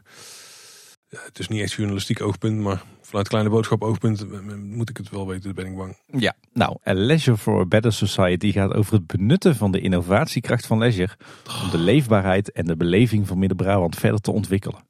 Hierbij draait het niet alleen om economische ambities, maar ook om sociaal-maatschappelijke impact. Met als hoofdopgave digitalisering, verduurzaming en talentontwikkeling. En de drie programmalijnen concurrerende en circulaire economie, slimme mobiliteit en bereikbaarheid en vitaal platteland en duurzame verstedelijking. Dus gewoon een, uh, een utopische werkgroep is dit. Het is denk ik uh, subsidie. Uh... Verbrasser. het, het, de beschrijving klinkt alsof ik drie collegeadviezen van mezelf door elkaar heb gehusseld. ik denk dat het een vrij goede omschrijving is, ja. Nou, laten we gaan verder gaan, want volgens mij nog één puntje in de draaiboek hierover. Ja, nou Paul, heb jij altijd al recht tegenover de Efteling willen wonen? Ja, nou, een soort van mini-droom. Ja, nou, er staat uh, een woning te koop op de kruising van de heikant met de Europalaan. Echt recht tegenover de bussenparkeerplaats van de Efteling. En als je daar uit de deur stapt, dan kijk je recht op het Huis van de Vijf Zintuigen. Mooie vrijstaande woning, die staat te koop. Wel even 615.000 euro neerleggen. Voor een uh, oud huisje. Maar dan woon je wel tegenover de Efteling. Voor mij zag ik het tweet langskomen dat de gemiddelde huizenprijs op dit moment meer dan 4 ton was. 417.000 euro of zo. Dus ja, nou, ik schrik er niet eens meer van eigenlijk. Ja, en dan nog dit Tim. Ja, maar bij jou nog dingen die opvielen Paul? Ja, we hadden het net in het begin, tijdens de opening zelfs al over de terugkeer van de beste shortcakes die je maar kunt hebben. Er is nog een, een potentie, een ja, misschien toch wel signature snack die in de Efteling ooit zou kunnen gaan verschijnen. Of een kleine boodschap signature oh, snack. Ja, zou ook nog kunnen. Ja. ja. Al heb ik hem zelf nog niet geproefd, maar ik ben er wel heel benieuwd naar. Uh, Quinn die plaatste een berichtje op Twitter dat er voortaan muffins zijn. Ja, ja, Tim. muffins. Kan je die combinatie voorstellen? Dat moet gewoon goed zijn, toch? Klinkt als een uh, combinatie van uh, veel goede dingen, inderdaad. Ja. Die moeten we nog gaan testen, maar ja, dit, dit, dit is toch wel echt de gouden kleine boodschap signature snack. Ja, ik ben er helemaal voor. Ja, het is van het merk uh, Lekker Brabant. En uh, die ken ik wel, want die maken heel veel lekkere dingen. Maar ja, zeker. Ja, ja, ja. Alles wat ze maken wat zoet is, dat, uh, daar zitten veel guilty pleasures van mij tussen. Goeie handel. Ja, misschien kunnen mensen zich nog het, het um, interview herinneren wat wij met Pieter Cornelis hadden. Daar noemde hij dat hij samen met Koen Bertens bezig was met een interessant project. Uh, blijkbaar had hij zich daar toch wel ergens al voorbij gepraat. En, en, eerlijk gezegd, we hebben er ook een heel stuk uit de aflevering moeten knippen nog last minute. Ja. omdat, omdat er wat aankondigingen daar uh, werden verplaatst. Um, maar daarin vertelde hij namelijk dat hij uh, bezig was met uh, Via Joravision. Met een enorm pretpark in uh, Peru. Inca Park gaat het heten. En uiteindelijk is het gepresenteerd op de Japa-beurs in Barcelona vorige week, anderhalve week geleden. Ja. Nou, nogmaals, Pieter Cornelis werkt daar dus samen met Koen Bertens aan. Koen Bertens geeft volgens mij meer op de operations daar advies. En Pieter over de masterplannen en zo. Dit wordt echt een enorm park, Tim. Je kunt incapark.com checken voor details. In ieder geval oppervlakkige details op dit moment toch. Maar het gaat een oppervlakte krijgen van 300 voetbalvelden. En er moeten zes themawerelden komen met meer dan 50 attracties. Er moet ook verblijfsaccommodatie komen, uitgaansgelegenheden en een golfbaan. Je wordt gewoon in één keer een enorm ja, resort uit de grond gestampt. Like een wereld van de Efteling in Peru. In ja. één keer. Ja, nou de Efteling was wel een grote inspiratie, uh, vertelde uh, Pieter ons toen. Want de, degene die hier achter zit, die uh, kwam vroeger heel vaak in de Efteling. En die wilde ook heel graag dat zoiets in Peru voor de mensen daar beschikbaar zou zijn. Dat is een beetje de, de originele inspiratiebron geweest. Ja. Dat weten wij dan weer. Omdat ja. het uit de afleveringen moeten knippen. Maar.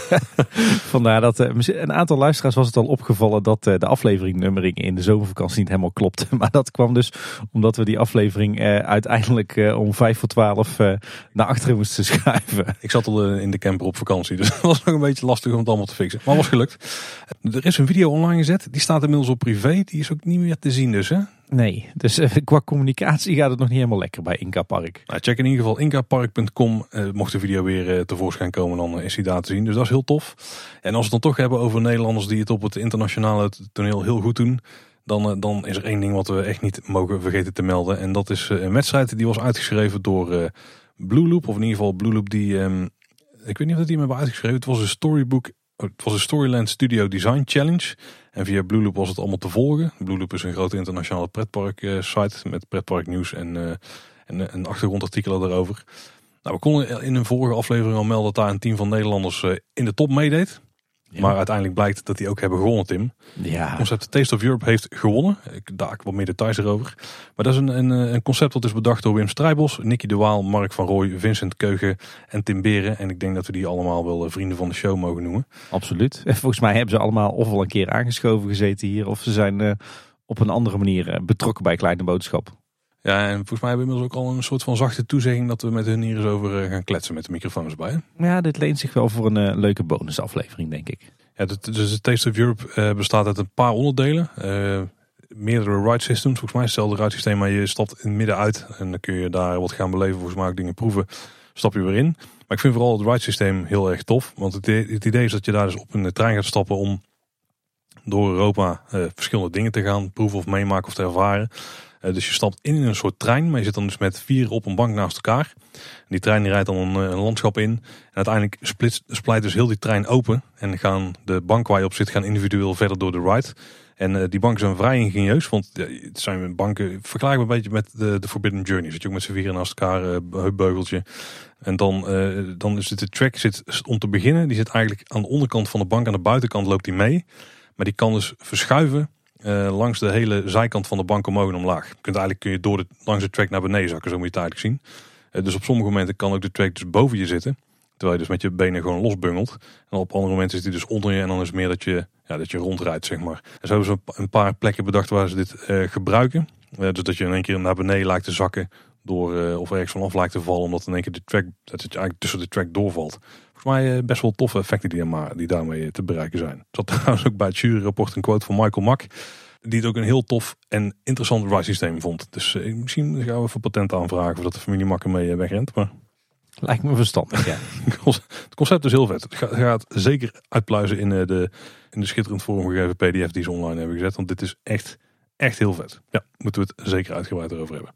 En in de show notes vind je een, eh, een link naar uh, ja, de pagina waar je ook die pdf kunt vinden. Inderdaad, we moeten maar eens tijd gaan maken om de ontwerpers aan de stand te voelen. Gefeliciteerd heren en dames. Echt, echt heel vet. Ja, van harte gefeliciteerd. En jullie kunnen echt heel trots op jezelf zijn. Uh, overigens heeft Nicky de Waal ook aan de Vata-docu meegewerkt, zag ik. Ja, klopt. Die heeft er ook illustraties voor gemaakt, ja. En het logo mee ontworpen samen met Lisa. Ja. Veel bekende Efteling-liefhebbers die hebben meegeholpen. Het, uh, het cirkeltje is weer rond. Alles hangt met elkaar samen, deze aflevering. Nicky was trouwens ook bij de première. Tim, eh, wat heb jij allemaal nog uitgevreden? Nou, niet zo heel veel. Veel naar de Efteling geweest. Natuurlijk naar Caro en naar uh, de Vata-docu. Maar we zijn ook nog een weekendje naar Domburg geweest. Gezellig met de hele family. In een bungalowpark gezeten. Ik ben inmiddels echt Nederlandse bungalowparken helemaal beu. Maar goed, gelukkig zitten de lockdowns er als het goed is op. Dus daar zijn we vanaf.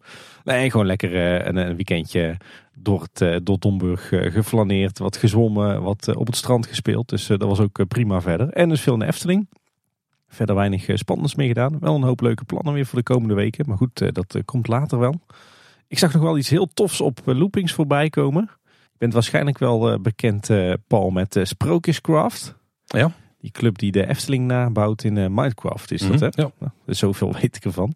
maar je hebt ook nog een, een, een computerprogramma of een game, dat heet Planet Zoo. Daarmee kan je je eigen dierentuin nabouwen. Ja, dat is volgens mij van dezelfde mensen als Planet Coaster. Zelfs systemen zo, maar dan met een andere, andere gebied was de toepas eigenlijk. Dat, ook een beetje rollercoaster tycoon-achtig, toch? Ja, maar wel plus plus plus. Ja, nou ja, ik zeg al, niet mijn, uh, mijn uh, expertisegebied. maar er is in ieder geval een fan van de Beekse Bergen. Die heeft het Safari Park Beekse Bergen echt tot in het allerkleinste detail nagebouwd in Planet Zoo. Heel indrukwekkend. Ik kom natuurlijk ook behoorlijk vaak met, met de kids sinds we een abonnement hebben. En ik heb uh, de video zitten bekijken waar dat hij door die animatie heen vliegt. En het is echt heel indrukwekkend tot in hoeveel detail dat de Beekse Berg is nagebouwd. Dus dat, ga dat zeker ook eens bekijken. We zullen een, een, linkje in de show notes zetten. En ik heb nog een drietal luistertipjes van collega podcasters. Die er trouwens ook bijna allemaal waren op 3 oktober. Zo had de Loopings podcast van Wessel Wit had een, een heel tof interview met Andreas Andersen de uh, Deense directeur van uh, Lieseberg. Super interessant om te luisteren. En ook de collega's van Theme Park Science, met onder meer Danny van der Wil, die hadden twee uh, hele toffe afleveringen. Jij weet waarschijnlijk wel, Paul, dat ik een zwak heb voor stadspretparken. En dan met name echt nooit nee, verteld. Nee. En dan met name de wat oudere stadspretparken. En die liggen dan toch vaak in Scandinavië. Maar zo had, heeft Danny een super toffe aflevering gemaakt over Tivoli Grunalund in Stockholm. En dan met name ook de nieuwe B&M coaster Monster daar. Echt een hele interessante aflevering. Ja, waarbij me opviel dat ze nog niet eens zo heel positief waren over die coaster op zich. Wel die is weggezet, ja. maar niet over de baan zelf. Nee, inderdaad. Daar moet ik echt wel een vet ding. Ja. Maar ook een hele uitgebreide introductie op Tivoli Grunalund, het stadspretpark in Stockholm. En daarvoor zat ook nog een hele toffe aflevering over de Spaanse pretparkoorlog. Uh, en dat wordt een hele serie. Maar deze eerste aflevering ging onder meer over Tibidabo en uh, Montjuïc. Twee, ja, stads, of eigenlijk één stadspretpark en één voormalig pretpark in Barcelona. Waar ik toch ook wel goede herinneringen aan heb. Dus dat was ook tof om te, te horen. Ja, dan zijn we weer aan het einde van de aflevering gekomen, Tim. Ja, inderdaad, aan het einde van onze toch wel feestaflevering. Zo, nou, eens kijken wat er eh, komende weken weer gaat gebeuren. Als die net zo goed zijn als de afgelopen weken, dan, eh, dan eh, ben ik zeer blij. Waar gaan we nog meer voor de constaté pannenkoek weer terugdenken of zo? Oh, dat zou ook goud zijn. Huisje van vrouw Holle. dat, is iets, dat is misschien iets te veel gevraagd. Zeker voor mijn punten. Nee, voor jouw punten. Ja, Nou, die kan je wel gebruiken. ja. Nou, ik gun het, ik gun het je. Maar binnen twee weken verwacht geen wonderen. En wil je nou een, eh, iets ons kwijt? Heb je een vraag voor ons? Of eh, wil je gewoon laten weten wat je van de podcast vindt? Nou, dat kan op veel verschillende manieren. Je kunt ons op veel social media kanalen volgen. En al die informatie die kun je lekker makkelijk allemaal bij elkaar op één plek vinden op de website. Op kleineboodschap.com slash volgen staan alle plekken waar wij te volgen zijn. En waar je dus contact kunt leggen. Ja, inderdaad. Daarnaast kan je ons ook mailen via info.kleineboodschap.com. Ehm, en we hebben ook een contactformulier op de website. Dat is eh, kleineboodschap.com. Ja, en die show notes waar we het altijd over hebben, ook die staan op kleineboodschap.com. Vind je ook alle afleveringen eh, die we hebben gemaakt ooit met de bijhorende show notes. En natuurlijk ook eh, de afleveringen van De Buitenwereld, onze andere podcast. En ook daar eh, zit weer een nieuwe aflevering aan te komen.